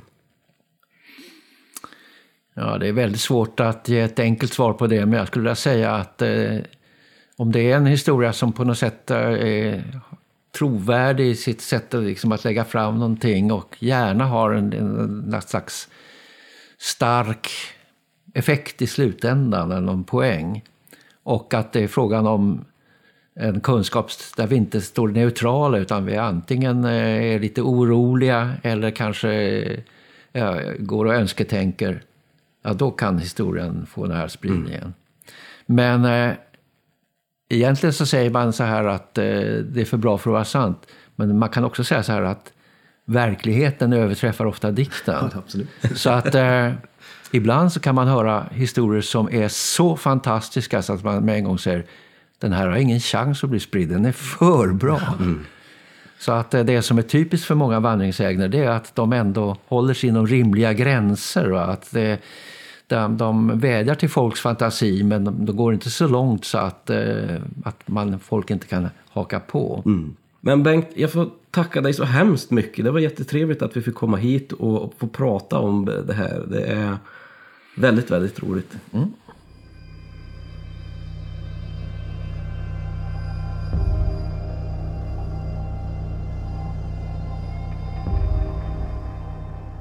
Ja, jag vill bidra med en alldeles färsk vandringshistoria som aningslöst berättades för mig av en kvinnlig bekant, 25 år, som heter Annette och är från Malmö. Så här sa hon. Min mamma berättade något ruskigt idag. Hon hade en bekant som känner någon som hade varit i Stockholm på konferens nyligen. Efteråt på kvällen så satt de och drack en drink på rummet och då sa han att ikväll skulle han ragga upp en tjej. Alltså han som var bekant till mammas bekant. Ja, och så gick han ut på kvällen och träffade verkligen en ung och snygg tjej som han fick kontakt med. Hon var hur trevlig som helst och verkade allmänbildad och bra på alla sätt. Efter en stund så fortsatte de på hans hotellrum och hon stannade kvar hela natten. På morgonen vaknade han och upptäckte att han var ensam i rummet. Jäklar, tänkte han. Nu har hon tagit mina pengar och stuckit. Men ingenting verkade fattas. Plånboken fanns kvar, liksom klockan och allt annat av värde. Men när han kom ut i badrummet så upptäckte han att hon hade skrivit något med sitt läppstift på badrumsspegeln. Där stod Välkommen i Aidsklubben. Nu är han jättesjuk och snart ska han dö.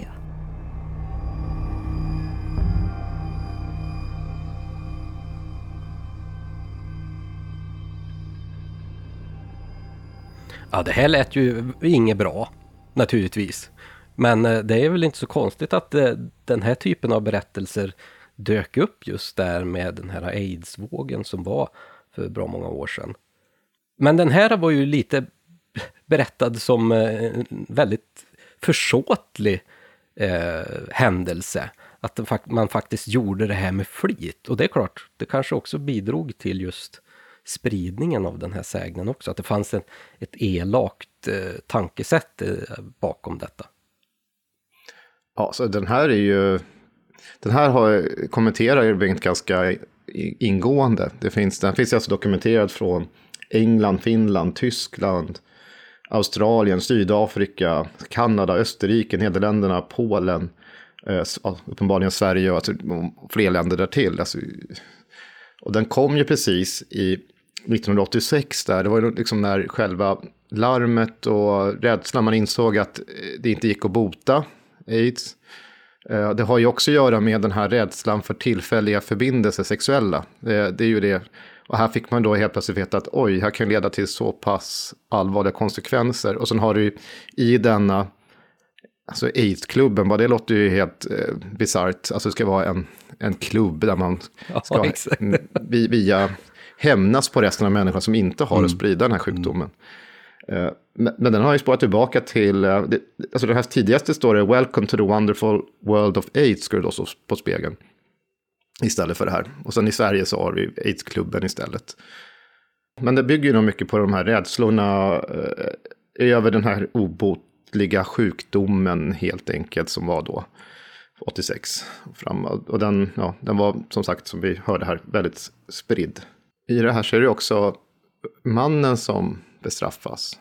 Mm. I den här versionen, som det står med läppstift skrivet av en kvinna. Så man kan nästan ana någon form av, av ilska riktat mot kvinnor här underförstått i det hela. Alltså, Men idag kanske det kan vara omvänt. Eh, för att mycket kring samhället förändrar ju också just de här berättelserna. Vilket är väldigt intressant naturligtvis, för att det berättar ju mycket om hur samhället se ut under den tid som de här sägnerna snurrar runt i folks medvetande. Den här är också så pass väl dokumenterad i, i media och annat, alltså spridd så pass mycket i så många länder. Så det är precis som Bengt Klintberg skriver att miljontals människor har trott på denna eh, sägen som sanning. Eh, och har förmodligen haft en kanske då positiv inverkan i det att människor kanske har kanske tänkt på preventivmedel på ett annat sätt. Mm. Och, och av, av ren rädsla för att, ja, för, för att eh, undvika smittor. Så det kanske faktiskt fanns någonting gott som kom utav det här. Eh, förutom det hemska då att man, man eh, börjar se ner på alla potentiella människor som skulle kunna ha aids. Det... Men så är det ju alltid med de här berättelserna, att det finns eh, både gott och ont i de här eh, sägnerna som går runt.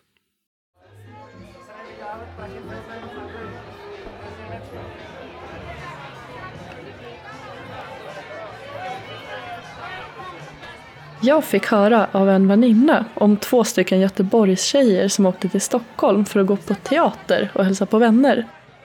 En kväll så var de på krogen och då träffade den ena en väldigt trevlig man, en läkare. Hon följde med honom hem och de var tillsammans hela natten. När hon kom hem till Göteborg så fick hon efter ett par dagar en sån fruktansvärd klåda i underlivet. Hon gick till en gynekolog som undersökte henne och efteråt så var han likblek i ansiktet och ville inte säga någonting. När hon kom hem så ringde han upp igen och bad henne att komma tillbaka. Hon gjorde såklart det och då väntade inte bara gynekologen utan också ett par poliser på henne. Hon fick då veta att hon hade likmaskar i underlivet. Det visade sig att mannen som presenterat sig som läkare i själva verket var sjukvårdare och han hade haft sex med kvinnolik på bårhuset. Han var redan tidigare känd av polisen och sitter nu som tur är i fängelse.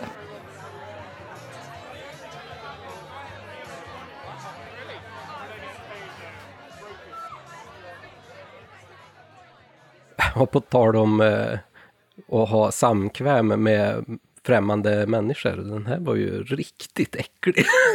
riktigt äcklig. Chockeffekten är väldigt tydlig. Mm, mm.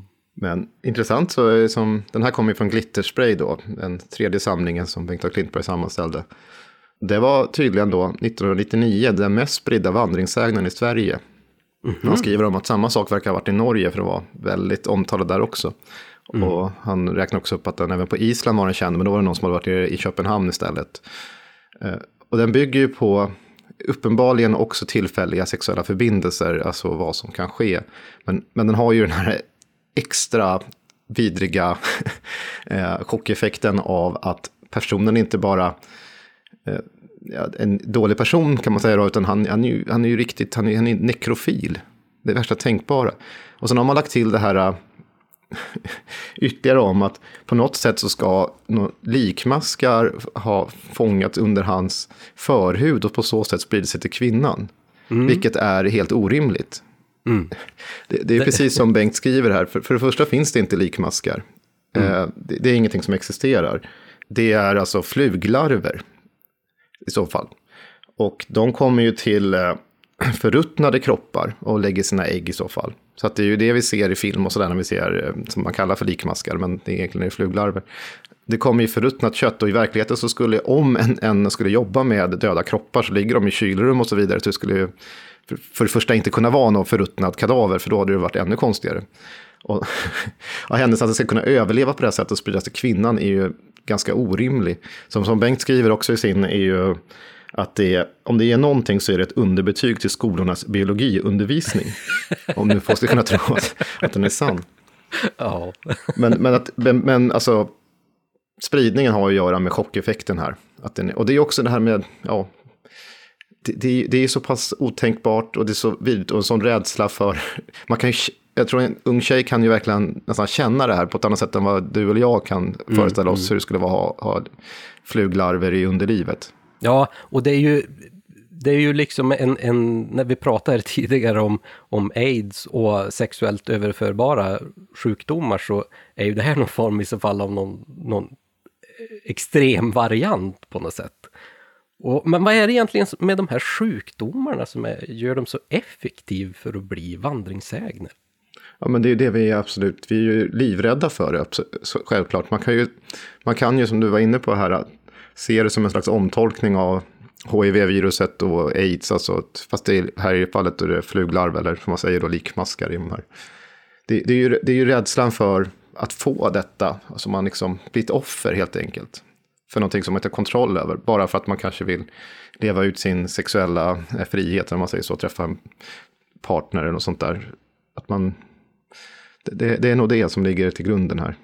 Jag tänker mig också, när jag tänker tillbaka på den pandemi som vi har levat i och kanske lever i fortfarande, att det är ju det här äh, osynliga hotet som vi inte kan kontrollera. Vi vet inte när vi blir drabbad eller om vi blir drabbad.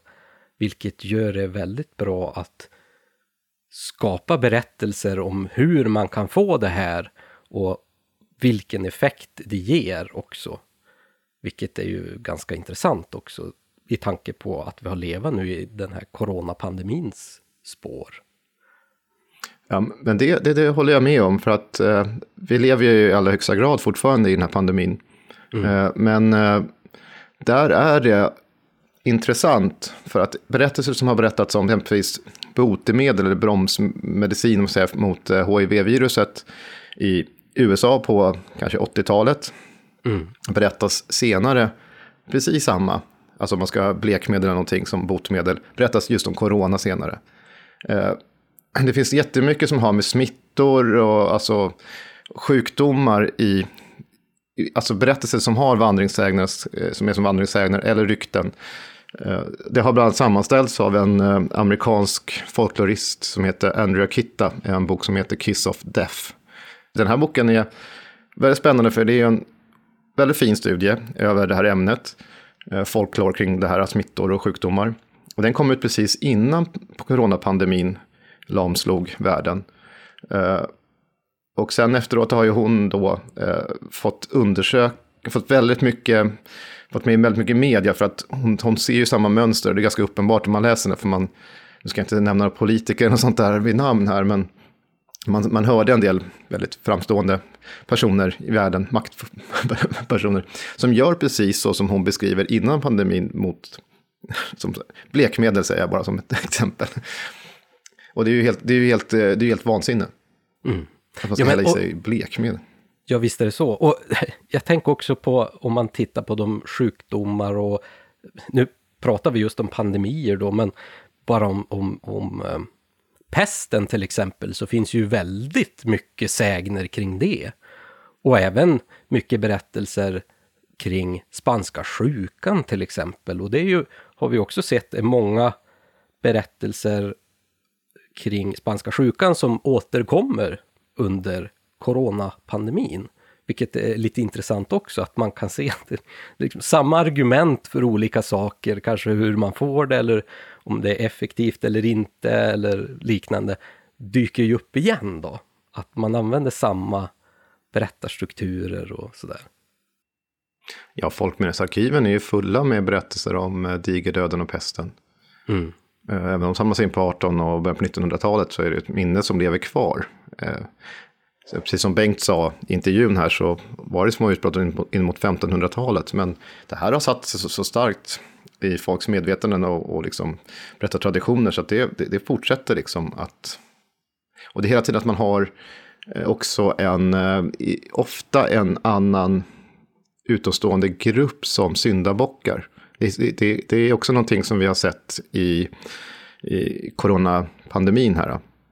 Att man har också ibland pekat ut vissa folkgrupper som de eh, skyldiga och sådär. Det, det ena och det andra har ju liksom byggts på där. Inte minst med memer och annat på internet eller ja, tvivelaktiga saker har kopplats ihop och presenterats som fakta. Uh, jag har själv skrivit lite grann om det i en bloggtext också som handlar om ryktesspridning och, och konspirationer i samband med coronapandemin. Ja, jag tänkte på det, för du har väl faktiskt jobbat med att, att samla in berättelser och upplevelser just under den här pandemin som vi har haft i, i ditt mm. vanliga jobb, så att säga. Jo, det har jag också gjort, men jag, jag hade, vid ett tillfälle skrev jag också just om de här, som jag såg de här mönstren och det var eh, intressant att, att ta liksom vissa saker som i början ansågs vara bovar. 5G har ju också lyfts fram som en orsak till pandemin just. Uh, och vissa, ja, nej, vi, jag vet inte om vi ska prata så mycket om det. det känns, vi, vi ska nej. inte grotta ner oss så mycket i de olika teorier som finns. Men däremot så ska vi ju faktiskt ta och lyssna på en text här eh, som eh, också är lite så här, hmm, det här låter nästan för otroligt. Men det skulle nästan vara sant också, för det är någonting som skulle kunna hända.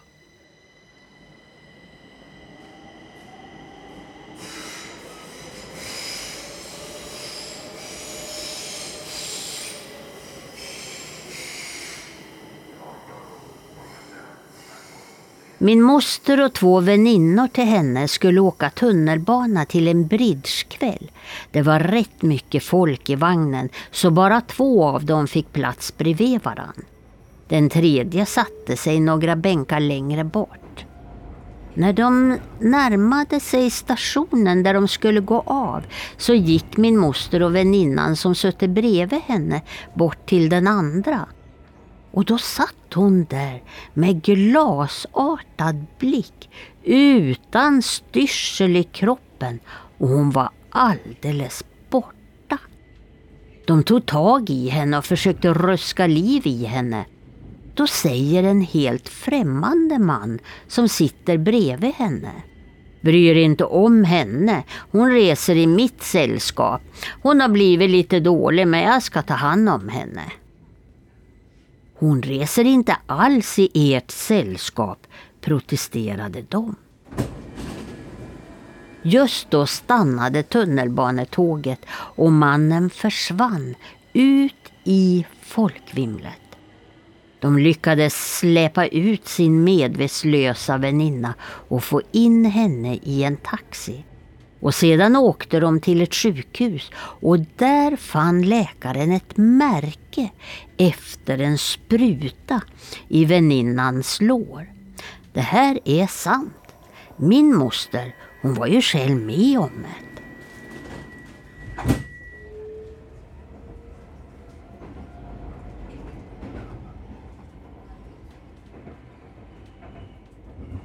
Här har vi ju en av de här berättelserna där man verkligen fastställer att ja men det här är ju sant. Hon har ju varit med om det. Och det är ju lite grann så här, vi, vi är ju som sagt, vi är ju inte ute efter att säga vad som är sant eller vad som inte är sant i det här avsnittet.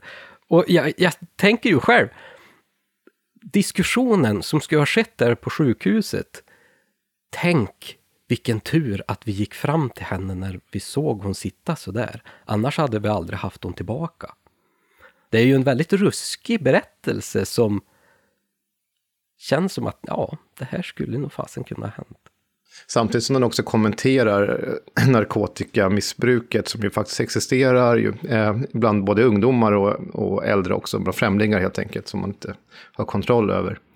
Bengtsson skriver om denna i Råttande pizzan. Han, han tar ju också upp där att det är förmodligen den vanligaste vandringssägnen som berättas om tunnelbanenätet i Stockholm, exempelvis. Den, är, den finns ju fortfarande kvar än idag.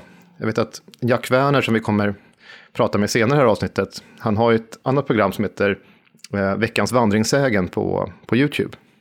Och där tar han upp det med två kända bloggerskor som pratar om just den här som sanning i sitt i ett avsnitt. För de har precis hört någon väninna och de är helt eh, eh, uppjagade över detta för att det är så hemskt att det har hänt. Då berättar de som att det vore en sanning. Och det är typ så de här brukar framställas, de här berättelserna. Den är ju, den blir ju också, det är oftast unga flickor som drabbas av den här sprutstick, det här sprutsticket. Och man kan ju se det framför sig, den här rädslan över det här man, i trånga utrymmen som tunnelbanor kan vara med massa konstiga människor och folk som är narkotikamissbrukare och annat. Och så. Men intressant nog så har den här också kunnat spåras tillbaka till 30-talet, 1930-talet redan, i Paris. Då är det ju inte en tunnelbana, men alltså då har det, hör ihop med eh, slavhandel och sånt där har det också haft, förts ihop samman med. Jag tänker på en film som, är han Liam Neeson va, som, eh, är det Taken de heter? Ja, Där hans dotter är i någonstans i Östeuropa också får bli drogad. Det är, Paris, och det är faktiskt i. Paris tror jag. Det är Paris, nog i okej, Frank- då jag Ja, bara. jag har för mig att det var Frankrike. Ja, och vaknar upp just i den här mä- människohandeln då i ett slags bordell, eller i ett bordell i, i filmen.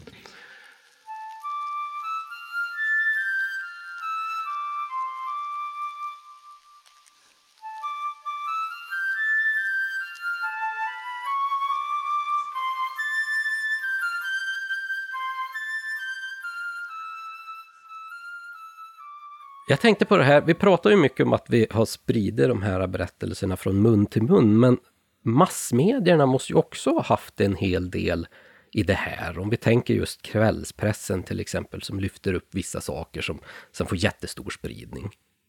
Ja, alltså om vi tittar på de här studierna som har gjorts av den här typen av berättelser så är det många gånger som man kan hitta klipp i, i nyhetstidningar eller andra alltså medier som det här, det här plockas upp.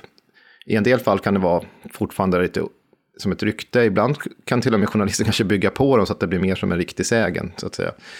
Men att det där, jo absolut, och det sprids i tidningar i, en viss utsträckning. Och jag vet att när Bengt och Klintberg exempelvis i Sverige samlade in, och då var det ju en del tidningsartiklar som låg till underlag. Och samma sak gäller Brunwand eller Bill Ellis eller många av de andra internationella forskarna då.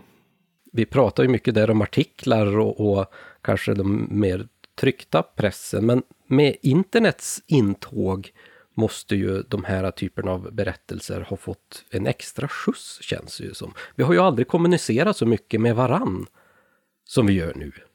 Nej, och eh, vi får tillgång till ett extremt mycket material.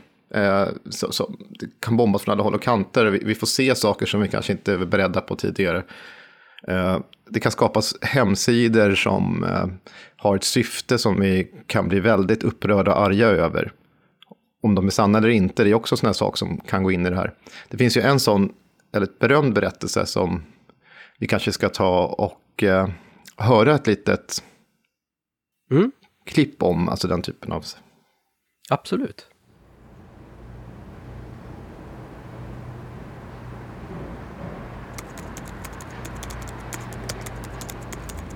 Till alla djurvänner. Nu är det dags att reagera. En sajt som man tidigare lyckats få bort från internet har nu kommit tillbaks igen. Vi ska få bort den här sajten än en gång. En japan i New York håller på att föda upp och sälja katter som kallas för bonsai cats.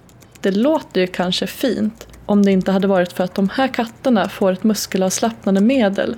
Sen stoppas de in i en flaska och hålls instängda i den här flaskan under hela sitt liv. Katterna blir matade genom ett rör och har en slang för avföring. Katternas benstruktur formar sig efter flaskan allt eftersom den växer och tar efter flaskans form. Katterna kan inte sträcka ut sig och bli använda som prydnadssaker. Det här är fel och vi måste gå till handling. Därför föreslår jag att ni skriver upp er på vår protestlista för att få bort den här sajten än en gång.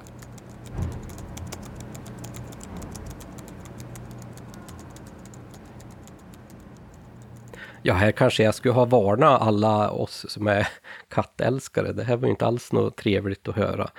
Även om det låter väldigt otroligt att det här skulle ha skett. Vad, vad kommer den här berättelsen ifrån egentligen? Alltså, Och som den läses upp nu kommer ju från Glitterspray, eh, Bengt af Klintbergs Glitterspray. Men det här är alltså en, eh, ett kedjebrev som har spridits på internet. Och det fanns en hemsida som hette Bonsai Kitten, eh, som sedermera togs bort. Eh, den sidan skapades som ett grymt skämt. Och där presenteras alla de här sakerna. Och vad som skedde i samband med det är att självklart blev folk upprörda. Eh, och eh, de här kedjebreven gick runt och fick väl lite grann ett eget liv. Men eh, man kan idag, om man ser sånt här, för jag såg den bara här om året, något liknande med andra djur, man ser det till då och då. Eh, kanske sidor som visar hur man har fött upp små söta djur i glasburkar och annat. Då. Det man kan göra idag om man vill se om någonting, är det här bara någonting som är, är ett, ett sjukt skämt eller är det, kan det finnas en verklighetsbakgrund? Det finns en del sidor på internet idag som är en god hjälp. Bland annat är en som heter Snoops, eh, S-N-O-P-E-S. Och där kan man gå in och söka på alltså, sådana här berättelser. Och Bonsai Kittens finns bland annat där. Och den är stämplad som fake. De har om det är true eller fake.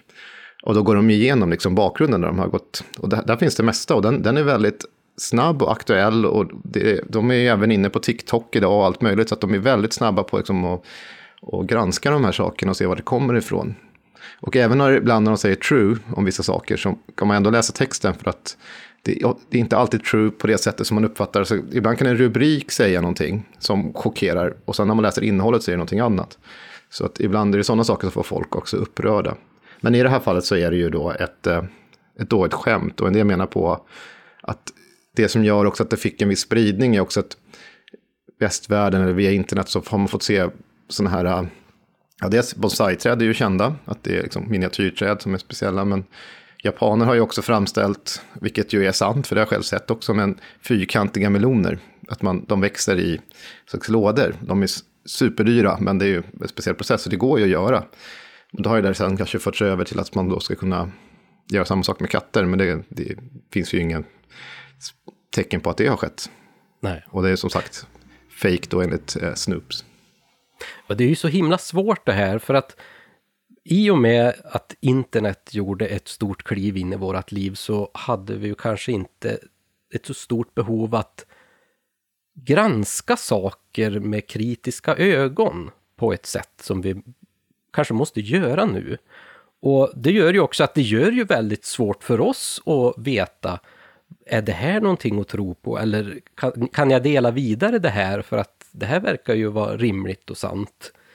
Eh, och en person som har jobbat väldigt mycket med det här, det är ju den kände journalisten Jack Werner, som har jobbat väldigt mycket med faktagranskning och källkritik och, och liknande. Och ni känner ju säkert igen han ifrån eh, Creepypodden i P3 där han berättar om de här creepypastas eh, skrämmande historierna. Och han är ju även nu eh, väldigt aktuell med den här eh, Gabriel Land i, från Spotify dokumentär. Och vi tog en liten eh, diskussion med han just kring de här mer moderna sägnerna som vi har på internet och hur vi ska förhålla oss till dem och hur vi ska titta på dem med kanske lite mer kritiska ögon ibland. Som eh, kan faktiskt vara ganska viktigt då det ibland kan få ganska stora konsekvenser.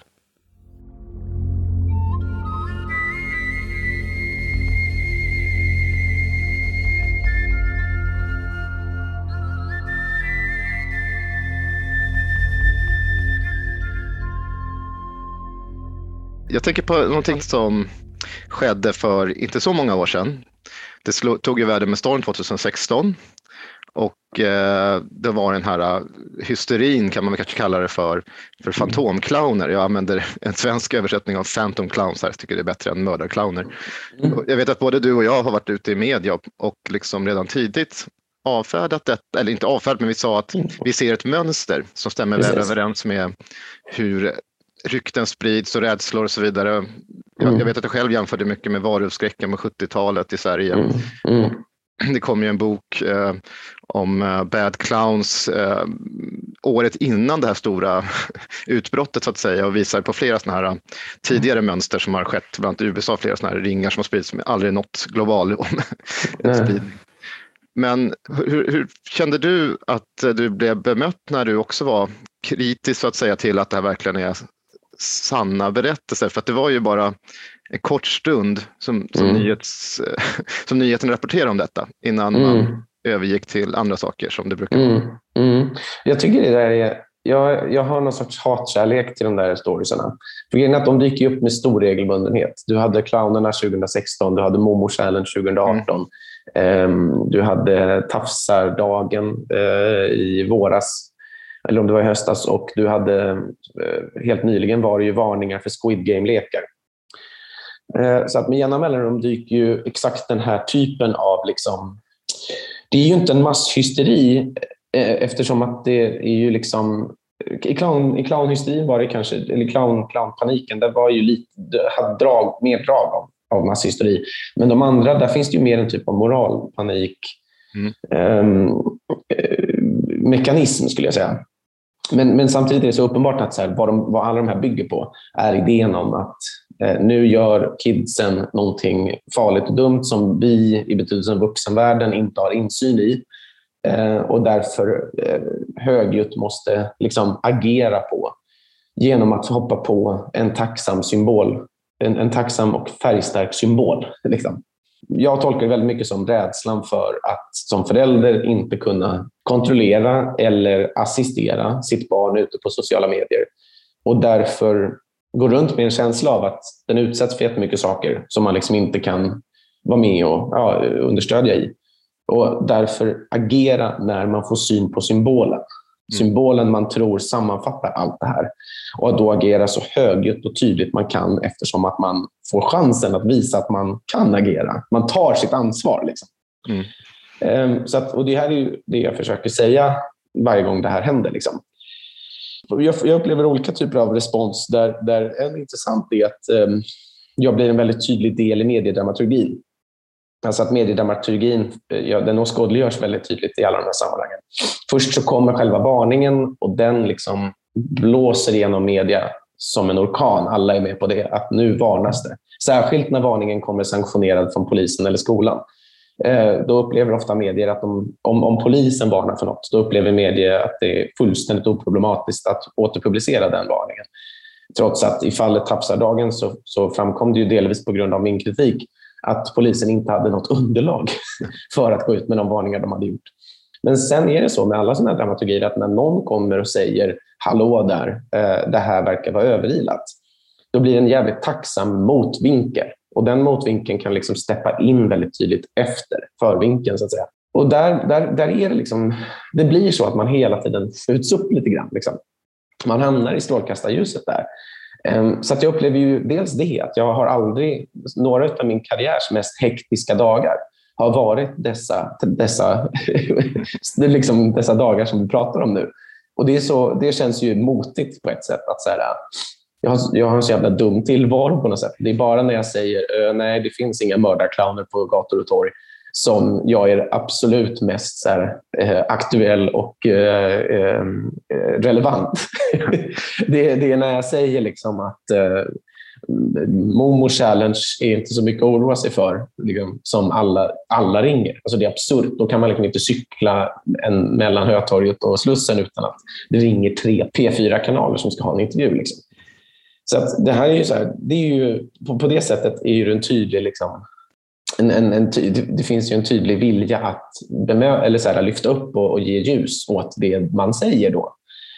Men å andra sidan så är det också uppenbart att de som har spritt de här varningarna gör, faller tillbaka då på en ganska tydlig bättre att ta det säkra före det osäkra attityd.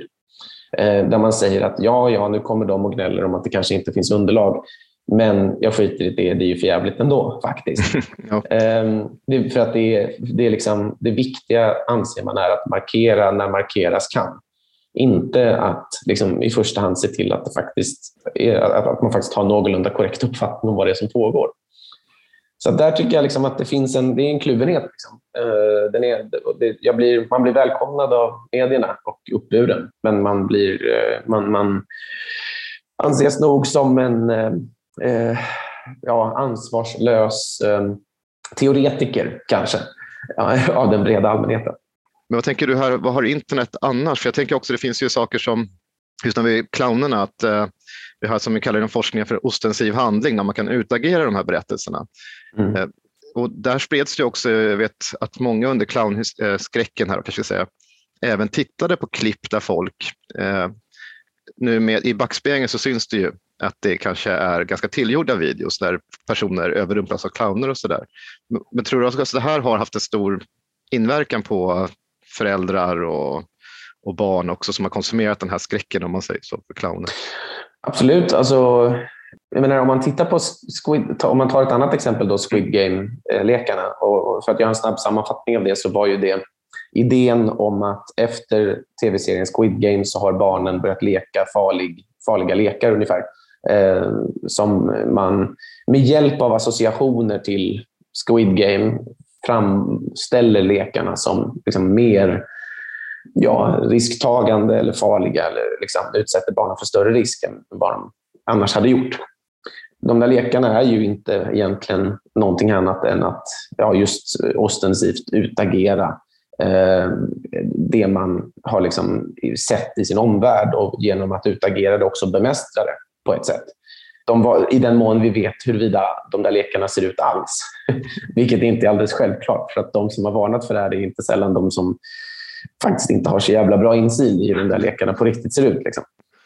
Men jag menar, de, alltså, det som är lite, lite intressant med de lekarna där då är att det som sprids är inte aktiviteten i sig, utan varningarna för aktiviteten. Jag tror att det är så himla viktigt att separera de där två. Och givetvis så är det så att i Squid Game-fallet så där har ju barnen inte nödvändigtvis sett Squid Game, men Squid Game har varit det stora samtalsämnet på internet, så de har ju sett YouTubers prata om eller kanske liksom eh, härma eller du vet, associera till Squid Game. På det sättet så sipprar ju de här liksom stora popkulturella fenomenen ner även till barnen. Och vad de gör när de liksom då försöker förstå, förstå det, det är ofta att leka det. Men de där lekarna tror jag ser väldigt mycket ut precis som de brukar se ut på lekplatsen. Det finns ingen egentlig liksom, substantiell skillnad i vad de gör. Så att de lekarna de tror jag ser väldigt mycket annorlunda ut beroende på var de har inträffat, i den mån de har inträffat. Men det som har spritts är ju varningarna. Det är de som replikeras. Mm. Det är ju, och, och, så även i fallen clowner i liksom Momo Challenge, allt det där. Det som sprids så här, på det här liksom replikerande sättet, på det sättet som, som mer kan liknas vid ett rykte, det är ju varningen. Mm. Så därför så måste man titta på det här tror jag, som två separata processer. Där det ju är mer varningen som har den här folkloristiska dimensionen. Eftersom att det, är, det är liksom den som jag tror ja, sprids som en typ av berättande. Liksom. Och det andra har med det här liksom, ja, men, leken som, som, som, som eh, kraft för att, så att säga, förstå eller sätta sig över eh, det man inte annars är för, förmår förstå eller sätta sig över. Och så tänker jag, jag tänker det här med lekar överlag, som i och för sig också kan ingå i folkloristiken, men det är ändå mm. sådär, återigen, det var i Trelleborg, men det, det, var ju samma processer där. För att det barnen lekte på skolgårdarna direkt efter den här sommaren när man, SVT hade visat flera sådana här Universal-skräckfilmer som förmodligen inte de små barnen hade sett heller. De gick ganska mm. sent. Men mm. de lekte mumie, vampyrer och varulvar på skolgårdarna. Och de äldre barnen, istället för Youtube, drev ju på de yngre barnen och berättade om det läskiga i det här. Så det var mm. förmodligen, precis som du säger, ett sätt att bemästra den här rädslan och liksom utagera den, men, men på ett ganska lekfullt sätt. Och sen mm. en del små barn kanske blev rädda, berättar för mm. föräldrar som i sin tur blir skraj, skraja och kontaktar polis i vissa fall och så blir det mediestormen drar igång. Mm. Och rädslan, där, rädslan där, bara för att göra ett inpass om det. Mm. Alltså så här, rädslan där är ju för det första förståelig, för det andra eh, naturlig, för det tredje också konstruktiv på ett sätt. Mm. Alltså det, en del av det här de, skräcklekandet som sådant är ju att närma sig någonting man är rädd för och mäta sin omgivningsreaktioner på när man gör det. Eh, alltså så här, nu är jag rädd, känner du dig också rädd? Ja, ah, vad bra, då så. Då vet vi ungefär vad man kan vara rädd för. Men också att så fort man är klar med det och inser att livet går vidare, eh, förstå att, att rädslan kanske inte var motiverad.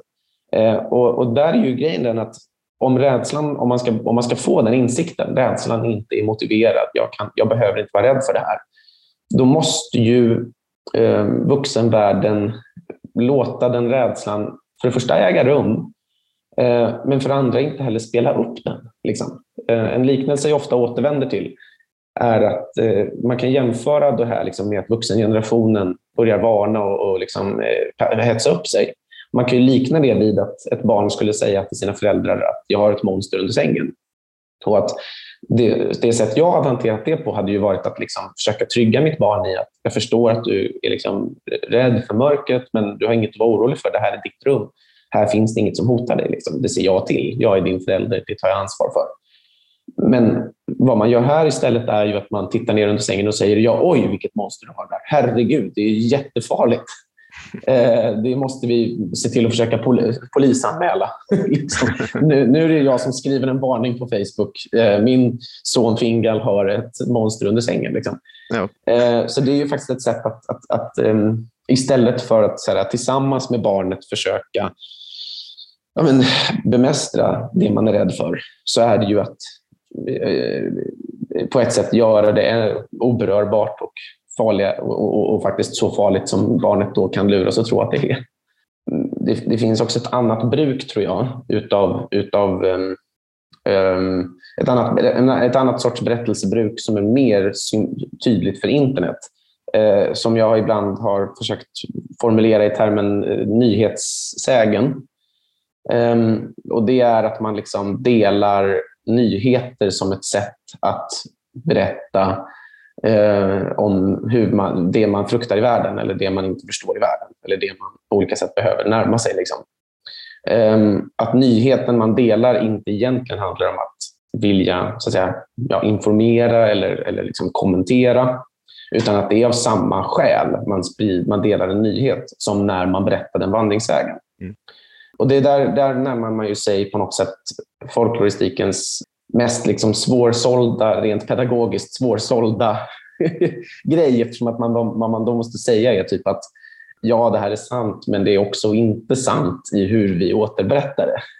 Eh, eh, samtidigt som just ja, som du var inne på förut, sanningshalten inte är det centrala, så är det ändå hela tiden dit man återkommer när man talar i en bredare allmänhet om det här. Men vadå, det här är ju sant. Liksom. Eh, varför är det då en sägen om det är sant? Typ? Men där måste man på något sätt försöka kila in sig mellan just så här, berättarbruket och, liksom, och nyheten som sådan. den Faktiska sanningen på ett sätt, eller vad man ska kalla det. Ehm, så det är en väldigt intressant sfär det här som jag efter bästa förmåga försöker hålla mig uppdaterad med, men, men som också är svår. För att jag tror väldigt få människor jag kan göra en liknelse till eh, boken Rykten, världens äldsta nyhetsmedium, där eh, socio, den franska sociologen ehm, Jean-Noël Kapferer skriver om de så kallade ryktescentralerna som upprättades i Frankrike på 70-talet när det rådde social oro. Mm. Och eh, poängen med dem var att man kunde ringa in och sen så, fakta, så fick, man, fick man fakta av, av staden. Liksom. Kommunala ryktescentraler som man kunde ringa till. Intressant idé. Inte nödvändigtvis bra, men intressant. Och Vad som hände dit var att alla som ringde dit sa jag har hört det här ryktet, det kan väl inte stämma. Och det är, man, måste fast, man måste stanna vid det och förstå att när någon säger när, någon ta, när man talar om rykten, då talar man per definition alltid om det man själv inte tror är sant. För att när man sprider rykten som man tror är sanna, då talar man inte om dem i termer av rykten. Utan då säger man, jag har hört det här, det kan vara eller hur, så det låter väl sannolikt, det viktiga. Alltså, namnet, det själva patologiserande namnet, rykte, finns inte där. Och jag tror att det är samma sak med vandringssägner. Att när vi återberättar de här historierna och tänker, nog fan, Eh, det här har hänt. Alltså, då, då berättar vi en historia. Det är ingen som tänker på det i termen vandringssägen och det är därför just det här insamlingsarbetet är svårt. Eh, för att om man säger har du hört en vandringssägen, då får man bara de grejer som folk är övertygade om inte stämmer, inte har inträffat på riktigt. Utifrån det har jag försökt bedriva så gott jag kunnat någon sorts insamling. Och, och den som jag har mest fastnat för alltså de sista åren har ju varit att jag, att jag hittade liksom en tvättäkta ny coronasägen som uppstod upp, ehm, uppstod eh, våren 2020. Där precis i typ mars-april, när det här internationella eh, liksom lamslående insikten om att nu är den här pandemin över oss och kommer förändra våra liv för en bestående framtid. Det var när, den, när det liksom slog till, det var då det här började berättas. Och det, den spreds först, vilket jag kunnat se på engelska, men översattes till svenska och förlades till en del olika platser i Sverige.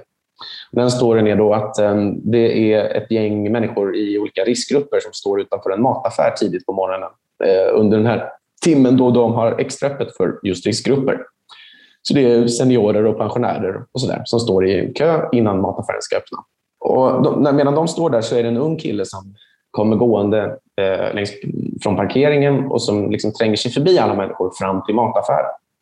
Och då är det folk som blir så irriterade på att han ska tränga sig att de liksom, eh, det första som händer är att någon knuffar ut killen så att han liksom ramlar baklänges ut på, på parkeringen igen.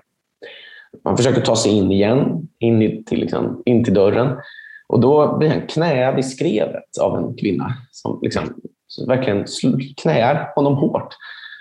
Och Han återigen faller ut på parkeringsplatsen och till slut så säger han då, viskar svagt att om ni inte låter mig komma förbi så kommer jag inte kunna låsa upp butiken och då kan ni inte handla. Och Det är liksom storyn. Eh, och den har spridits och man har sagt att det här inträffade i, det har stått i Uppsala Nya Tidning eller det har ja, ägt rum här eller där. Och jag tycker, det som jag tycker om med den historien är ju att den, menar jag, illustrerar en, eh, en typ av eh, ålderskonflikt som fanns där under början av corona. Där, där liksom de lite mer seniora grupperna i samhället upplevde att de blev begränsade att de inte liksom fick leva ut sitt, eh, sina, sin, sin livs höst ungefär. Medan de yngre grupperna i samhället upplevde att det var de som tog smällen. De förlorade jobben, eh, de eh, var tvungna att liksom på olika sätt eh, isolera sig eller begränsa sig. Allt för att just de här äldre inte skulle bli smittade och dö, för det var de som var liksom utsatta. Eh, de äldre upplevde att de yngre var slynglar som festade ändå. Liksom. Och I den där konflikten så tror jag att den här våld, de här våldshandlingarna i den här berättelsen görs helt centrala. Alltså att de gör för berättare, för jag tror att berättaren, den tänkta berättaren och lyssnaren här är de här lite äldre människorna. Och jag tror att vad de får här är liksom en katarsisk misshandel av en ung slyngel som försöker tränga sig. Men också den här eh, att de får mattan dra, dragen under fötterna att det var i själva verket den här killen, liksom, han representerar infrastrukturen som du är beroende av. Mm. Det är han som har de här jobben, de här jobb, servicejobben som gör att du kan leva. Liksom. Och, eh, så jag tycker, och den, den mekaniken är nog inte alldeles vanlig i vandringsägare. Att det blir den här liksom, eh, eh, jokes on you på ett sätt. Den finns ju där, men den är inte så vanlig, framförallt inte i ett sånt läge där vi var i våras 2020 där, där, där det fanns en sån så här ändå prövande... Dels fanns det lite borgfred, men det fanns också ganska mycket um, nu är alla andra ansvarslösa utom jag-stämning. Liksom. Så att, att den här berättelsen ändå faktiskt återspeglade ansvaret på dig så att säga, som, som åhörare tyckte jag var väldigt intressant. Eh, och jag gillade den väldigt mycket. Jag var på något sätt glad, så himla glad att se att, att en, en stor nyhetshändelse som den här på en gång liksom utmynnar i en klassisk gammal klintbergare. Ja, absolut. Jag tycker det var ganska fina så säga, avslutningsord här av dig för att jag ska också se till att tacka dig så hemskt mycket för att du ville vara med i det här avsnittet, Jack. Det var mitt stora nöje. Tack snälla.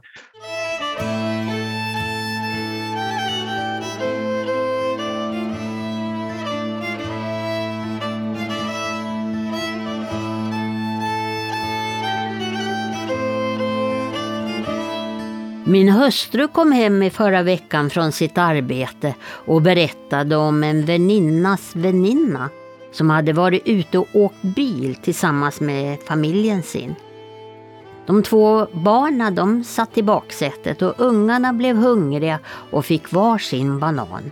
Och rätt som det så säger den ena ungen Mamma, bananen bet mig. Föräldrarna de fäste sig inte så särskilt vid det men efter ett tag vände sig mamman om och då såg hon att ungen låg där bak, medvetslös. Ja, de hade ju stuckit iväg till lasarettet och några timmar senare, då var barnet dött. Och då hade läkaren talat om att det hade inträffat tre, fyra likadana fall tidigare. Det var tydligen någon giftorm som la ägg i bananer och sedan kläcktes äggen inne i bananen.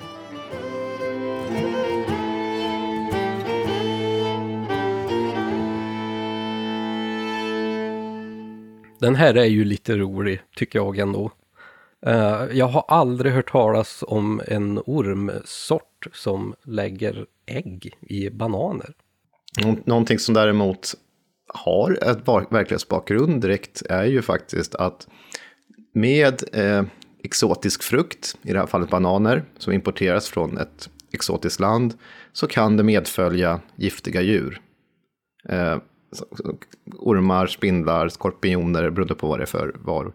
Och det är förmodligen det som ligger till grund här också, att det är den rädslan som har blivit en, en, eh, en berättelse som får en helt annan dramatisk effekt här.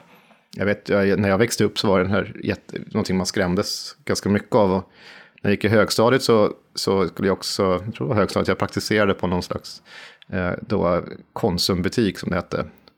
Eh, och då, då var det, så de skulle packa bananerna, så var, det var väldigt eh, skrämmande att packa upp dem, för man var rädd för vad som skulle finnas i de här lådorna det kom med.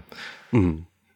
Och det, det, kan jag känna igen lite själv. Jag jobbar åt en kund som, som importerade lite eh, Afrikaträ, alltså träslag från Afrika. Och där var man ju också lite rädd för att det helt plötsligt skulle dyka upp en massa spindlar som kröp ut ur eh, containrarna. För att man vet ju inte, det finns ju mycket giftiga spindelsorter som skulle kunna följa med de här träden. Så jag förstår nu absolut. Och det här kanske vi också ska säga igen då, precis som med pizzan. När vi pratar om bananer och mandariner och apelsiner och liknande. Många exotiska frukter har ju inte funnits i Sverige under jättelång tid. Utan det är ju senare 1900-tal liksom så mycket av de här varorna kom in och det är ju inte så konstigt då heller att man kan dra de här parallellerna till att det är lite speciellt, det, är lite, det kan vara lite farligt, man vet aldrig för att det här har vi ju aldrig provat förut. Och i den här historien så är det ju extra dramatiskt i och med att det är just barnet som eh, råkar ut för det här. Det är ju alltid hemskt när det är barnen som drabbas av de här sakerna. Du sa förresten här uh, någonting om träd som mm. har importerats från exotiska länder. Det är också en känd vandringssägen med juckapalm som mm. också innehåller sånt här. Alltså det är ju uh, en av de klassiska. Det hade ju att göra med att juckapalmer plötsligt börjar bli på modet i svenska hem. Och då följde det också med en typ av berättelse som kan finnas i dem där. Mm. Och, och, just den som jag tror finns med i Bengts böcker är ju då just en stor spindel har jag för mig. Att mm. det börjar röra sig i den här juckapalmen och då ringer eh, ägaren till eh, eh, butiken som hon har köpt den här palmen ifrån. Och så säger de stäng dörren, gå inte in i rummet. Du får absolut inte gå i närheten. Täck för tröskeln på dörren och gå inte dit, vi skickar dit folk. Och så kommer det dit folk med liksom rymddräkter nästan, skyddsdräkter och gå in och så hämta det där. För då var det tydligen en jättegiftig spindel som rörde sig in i den här palmen. Så att det är ju tydligt här att det, när de här nya grejerna kommer in i våra liv så kommer vi på väldigt många bra historier kring de här. Jag kommer att tänka på en sak nu också. Eh, för bara här om året, om det var typ två år sedan, här i Uppsala, så finns en ganska känd livsmedelsbutik. Och det stod i tidningarna överallt om att med bananerna så hade det kommit en giftorm. Och det var skriverier om det. Jo, och det var, de gick och jagade den där ormen och stängde ja. ner hela butiken och allting. Jag mm. vet inte om de någonsin hittade en orm eller inte. Eller om det bara var någon som tyckte sig ha sett den. Men jag vet tydligt att det, att det skrevs om det i UNT och allt möjligt här i Uppsala. Ja, det är ju säkert också eh, den här uh, rädslan för att vi, vi inte har kontroll. Vi vet ju inte hur andra länder sköter mathanteringen som sen kommer till oss, där vi tror att vi har så himla bra eh, liksom varuhantering. Och att det blir den krocken också naturligtvis. Och här ska jag passa på att säga någonting som Bengt A. Klintberg skriver om i, samband med den här Bananen bet mig. Han, mm. han lyfter fram en dansk folklorist som heter Axel Ulrik.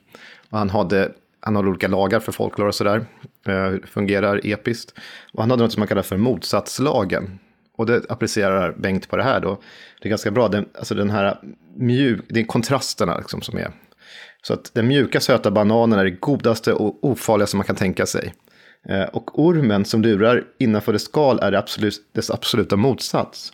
Människornas fiende, alltså alltifrån Edens lustgård egentligen. Så det är de två kontraster som gör att det här får sån ökad effekt, att man blir mm. extra Mm. Att, att det, liksom, för det är ju det vi pratade om tidigare, att de här berättelserna måste ju ha, eller måste men helst för att de ska kunna spridas, så måste den ha en, en effekt på oss. Eh, en berättelse som inte påverkar dig särskilt mycket kommer ju inte traderas vidare, utan den, den kommer liksom självdö. Men om den har den här dramatiska effekten och så kan den byggas på och så kommer det fler och fler och till slut känner halva Sverige någon som har varit med om någonting från olika orter. Ja, men det, det är ju lite grann som det, det, den här äh, spyan i äh, korvsmeten hade ju inte varit så effektfull heller om det är bara så att han hade glömt att i stärkelse till exempel i den här smeten. Eh, utan det var ju verkligen att han, han kräktes rakt ner i den här smeten. Och korv är gott, men inte med, med spya. Vi ska lyssna här på en annan text just som är ganska skrämmande. Eh, och jag tror att många har hört den här. Jag vet, jag sa till dig innan att eh, jag har faktiskt hört den här själv eh, när jag lyssnade på Jack Werners eh, Creepypodden eh, faktiskt. Så hade han den som en kort berättelse.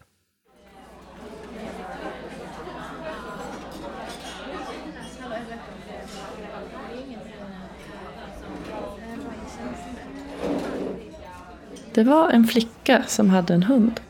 När hon gick och la sig på kvällen så brukade hunden också lägga sig bredvid hennes säng. Om hon vaknade mitt i natten så brukade hon sträcka ner sin hand och låta hunden slicka hennes fingrar. Då kände hon sig alltid så trygg och somnade om igen. En natt så vaknade hon av ett ljud inne i rummet. Hon sträckte ner handen som vanligt och när hunden slickade på hennes fingrar så blev hon lugn och somnade om igen. Hon vaknade på morgonen och såg att hunden inte låg på mattan längre som den brukade. Men hon tänkte inte närmare på det utan hon gick ut i badrummet för att tvätta sig. Men där inne möttes hon av en ryslig syn. Hennes kära hund låg död på golvet med en avskuren strupe. Och på väggen hade någon skrivit med blod. Människor kan också slicka.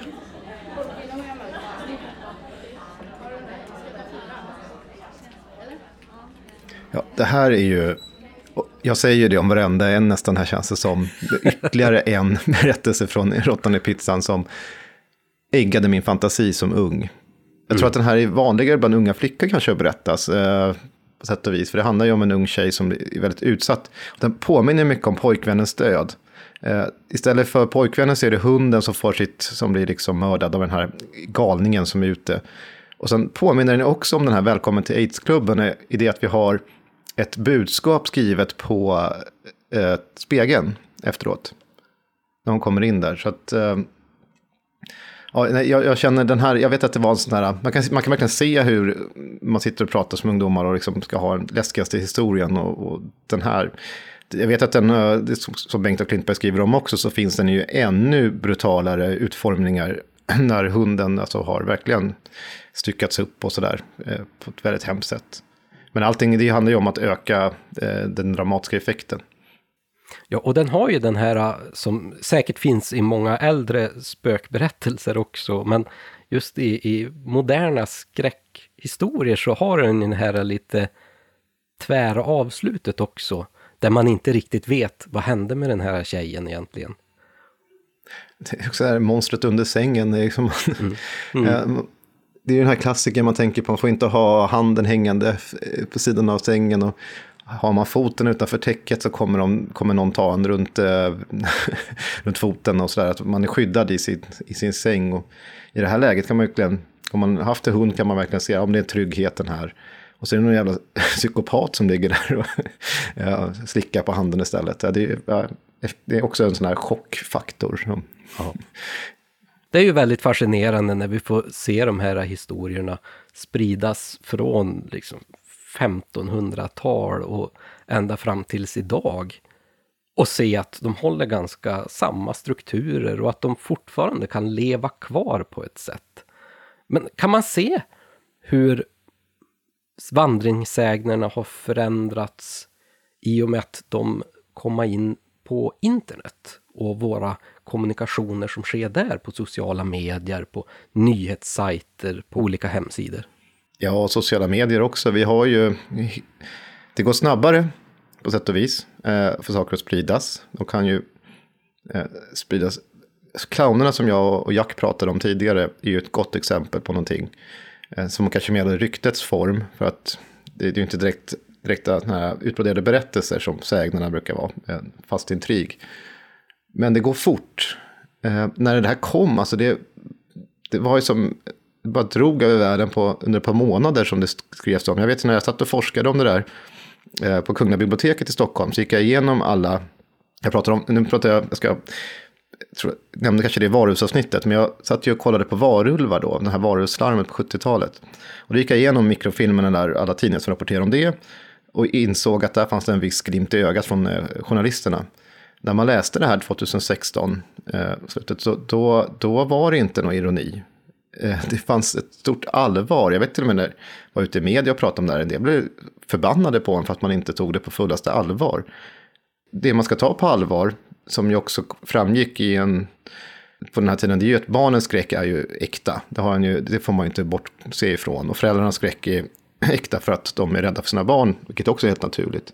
Men man kanske ska ifrågasätta också det här med de här i ett mönster i de här berättelserna. Att varför ska de alltid hoppa fram när det är mörkt och varför kommer de fram från varenda buske och sådär. Alltså det är, vilken effekt har YouTube på detta? Vilken effekt har liksom internet och Jack pratade om Momo Challenge som också blev en slags, ja, inte moralpanik så, men det fanns ju tendenser i alla fall på vissa håll. Och det här nya Squid Game som man pratar om, den här koreanska tv-serien som går på Netflix. Att det är de, rädda, det är de vuxna inte har kontroll över som drabbar barn blir ju extra skrämmande hotfullt. Och samtidigt som det kan ju faktiskt vara en ganska god grogrund att skapa en vandringssägen kring något sånt här, någon som har varit med om någonting på ett visst sätt. Så det är absolut, sånt kan ju spridas och det gör ju i viss utsträckning det på internet.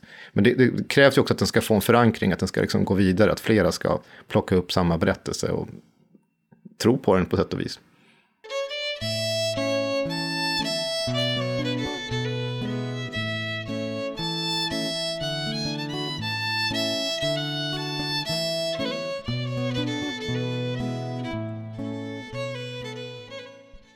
Min bror, han har en kompis som är 15 år. Kompisen har tandställning och det har hans flickvän också. En gång när de var på fest tillsammans så kysstes de och tandställningarna fastnade i varandra och de kunde omöjligt komma loss. Alla skrattade åt dem och till slut var de tvungna att åka till sjukan och där kunde de ta loss dem. Deras föräldrar kom och hämtade dem och det var hemskt genant för föräldrarna. De hade förbjudit dem att träffas.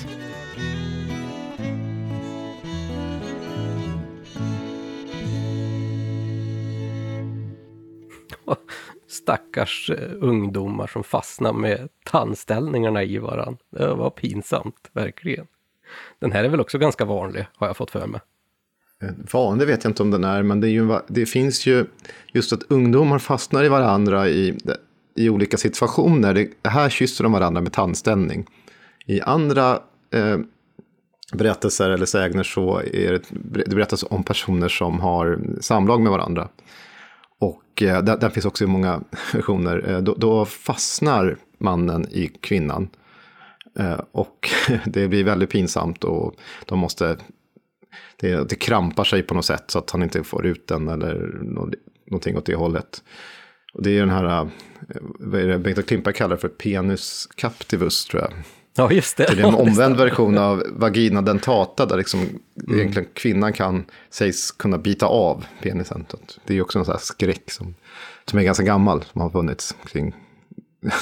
Det är mycket av de här kretsar kring sånt som... Eh, sex kan ju fylla oss med glädje, men det kan också vara väldigt oroande för särskilt uh, unga, nya människor. Alltså, det, särskilt när man är ung och ska utforska det här och och också med nya möten och sånt där. Det, blir, det är klart att det blir en... Eh, det är ganska god grogrund för den här typen av berättelser.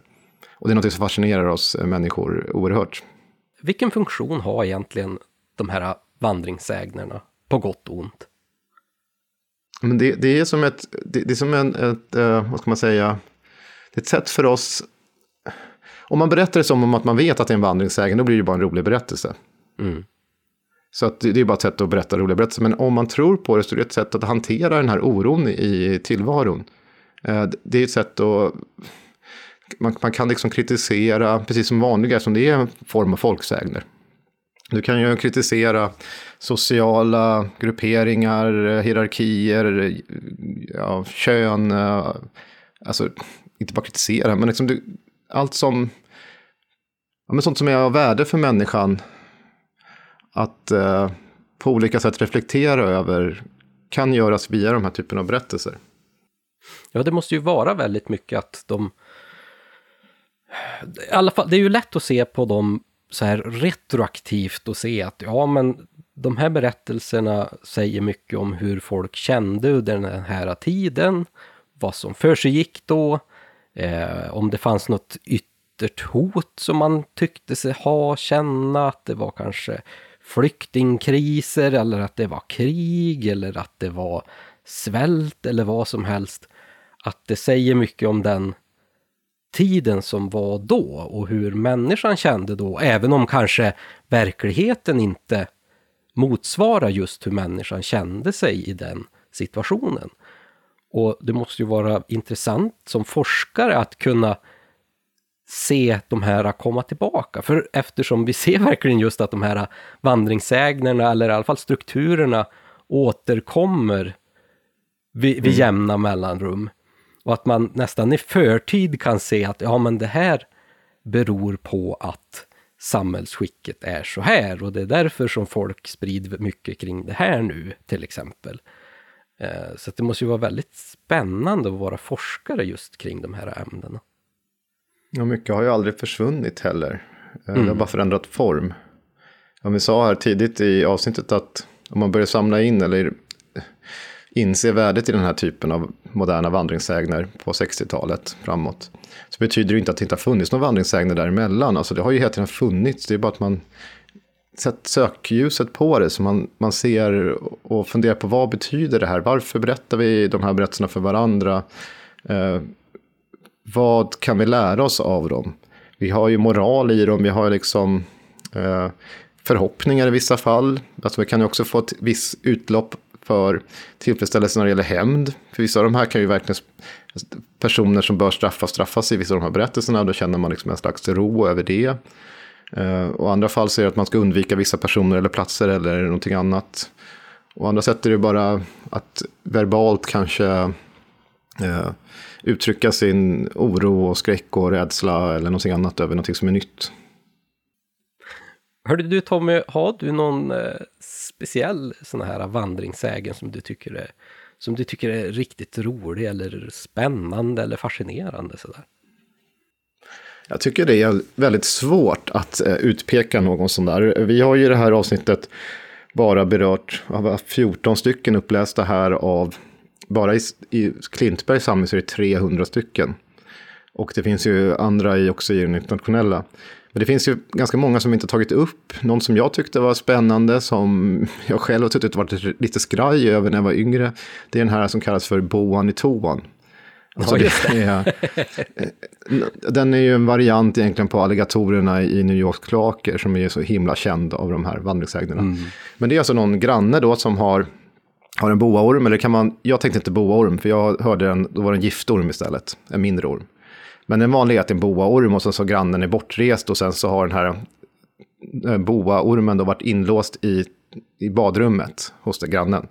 Och den har liksom slunkit ner i, i rören i toaletterna och sen kommer den upp hos en granne.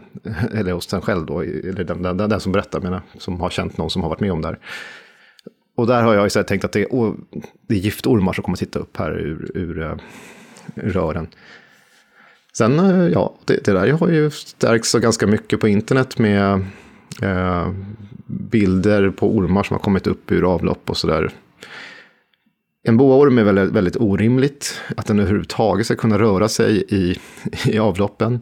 En liten orm, inte så omöjligt. Så det är klart att man blir rädd för den här typen av berättelser.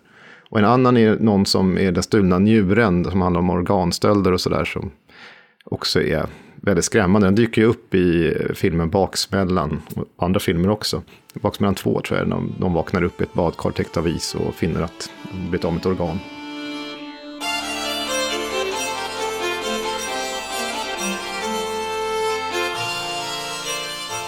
Men eh, då kanske vi ska ta och avrunda det här avsnittet Tommy. Vi har ju pratat så himla mycket nu om olika vandringssägner och massa olika berättelser från vår tid och intressant nog ända ner till sen medeltid och det var ju väldigt spännande.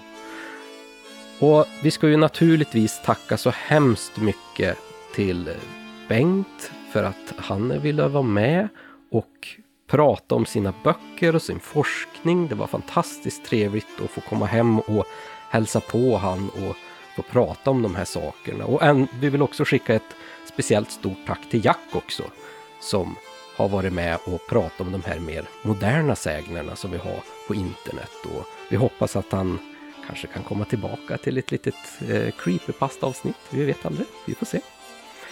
Men eh, nu har vi ju tagit upp så många av de här uh, olika sägnerna och jag är lite intresserad från er lyssnare och tittare. Är det så att har ni hört några av de här? Har ni hört varianter på de här? Har ni faktiskt varit med om det som berättas här? Det hade varit jättespännande att höra. Eller har ni fått höra några andra sägner som vi inte har tagit upp här i det här programmet? Så ni får jättegärna gå in på våra sociala medier på Ätoknytt Sverige på Facebook och på Instagram. Och Tommy, du heter ju Suttungsbro på Instagram, så där kan man också skicka en kommentar och berätta lite grann om, ja, har ni varit med om det här? Och sen har vi ju våran fantastiska Facebookgrupp när man talar om trollen eftersnack. Där vi har så otroligt roligt när vi berättar om avsnitten och vad som kommer framöver och så liknande. Men utöver det så har vi ju också våran Patreon där vi har bonusmaterial för den som är medlem. Att man kan lyssna på Evas alla inläsningar fristående ifrån avsnittet, vilket brukar vara ganska behagligt faktiskt att sitta och lyssna på Eva. Men sen så gör vi också olika bonusavsnitt i olika ämnen just till eh, våra Patreon-medlemmar. Så att det är jättekul och det är jättemånga som har gått med där och som vill stödja oss och det är ju jätteroligt för oss att se. Så att eh, Tommy, Eh, har du någonting att eh, säga till våra lyssnare nu innan vi avslutar? Ja, jag tycker att det här har varit ett jätteroligt avsnitt att göra och inte minst att vi fick med både Bengt och Jack i det här. Eh, mm. Bengt har ju länge varit lite grann av en stor, ganska stor förebild för mig som, som forskare. Han är liksom the grandmaster inom folkloristiken i Sverige. Och eh, hans material har för övrigt nyligen lämnats till Institutet för språk och folkminnen i Uppsala. Det som ligger till grund till all det här eh, nutidssägnerna. Bara en sån sak är ju fantastisk. Jag fick ju också äran att vara den som hämtade det hem hos honom. Eh, men annars så tycker jag att man ska, precis som Bengt säger, att ibland säger man too good to be true om den här typen av berättelser. Men att eh, ibland kan ju också verkligheten överträffa dikten. Eh, och det som är, kanske är bra hela tiden att var, var ifrågasättande. Man har gjort det hela tiden. Man har ju alltid funderat. Det är inte att man har alltid svalt allting huller om buller i jämt, utan man har ju alltid faktiskt varit kritisk i saker och ting. Och det är bra om vi fortsätter vara det, även om vi får mera eh, flöden från alla håll och kanter. Så den här sidan jag nämnde, nämnde tidigare som heter Snoops eh, är väldigt bra att gå in på om man är tveksam och undrar om någonting verkligen kan vara sant som man ser på internet. Ja, precis. Och de böcker och de litteratur Eh, Eh, tips som vi har just för det här avsnittet kommer vi naturligtvis ha i ett dokument som vanligt på vår hemsida på oknytt.com podcast. Men där kan vi också lägga in några länkar just till de här sidorna där man kan kontrollera för att vara säker på att det man tar del av på nätet är sant. Men då får jag tacka så hemskt mycket Tommy och tack till Bengt och tack till Jack och tack till Eva som alltid läser in och sen såklart särskilt tack till Mikaela som hjälpte till och läste in några sägner här så att vi fick en eh, liten nyans på de här berättelserna. Men du Tommy, då får du ha det så himla så fint så hörs vi ja. i nästa avsnitt. Ja, vi hörs. Ha det fint. Hej hej. Hej då. Podden är producerad av Oknytt, Nordisk folktro och mytologi och intromusiken är komponerad av Mark Jungerman.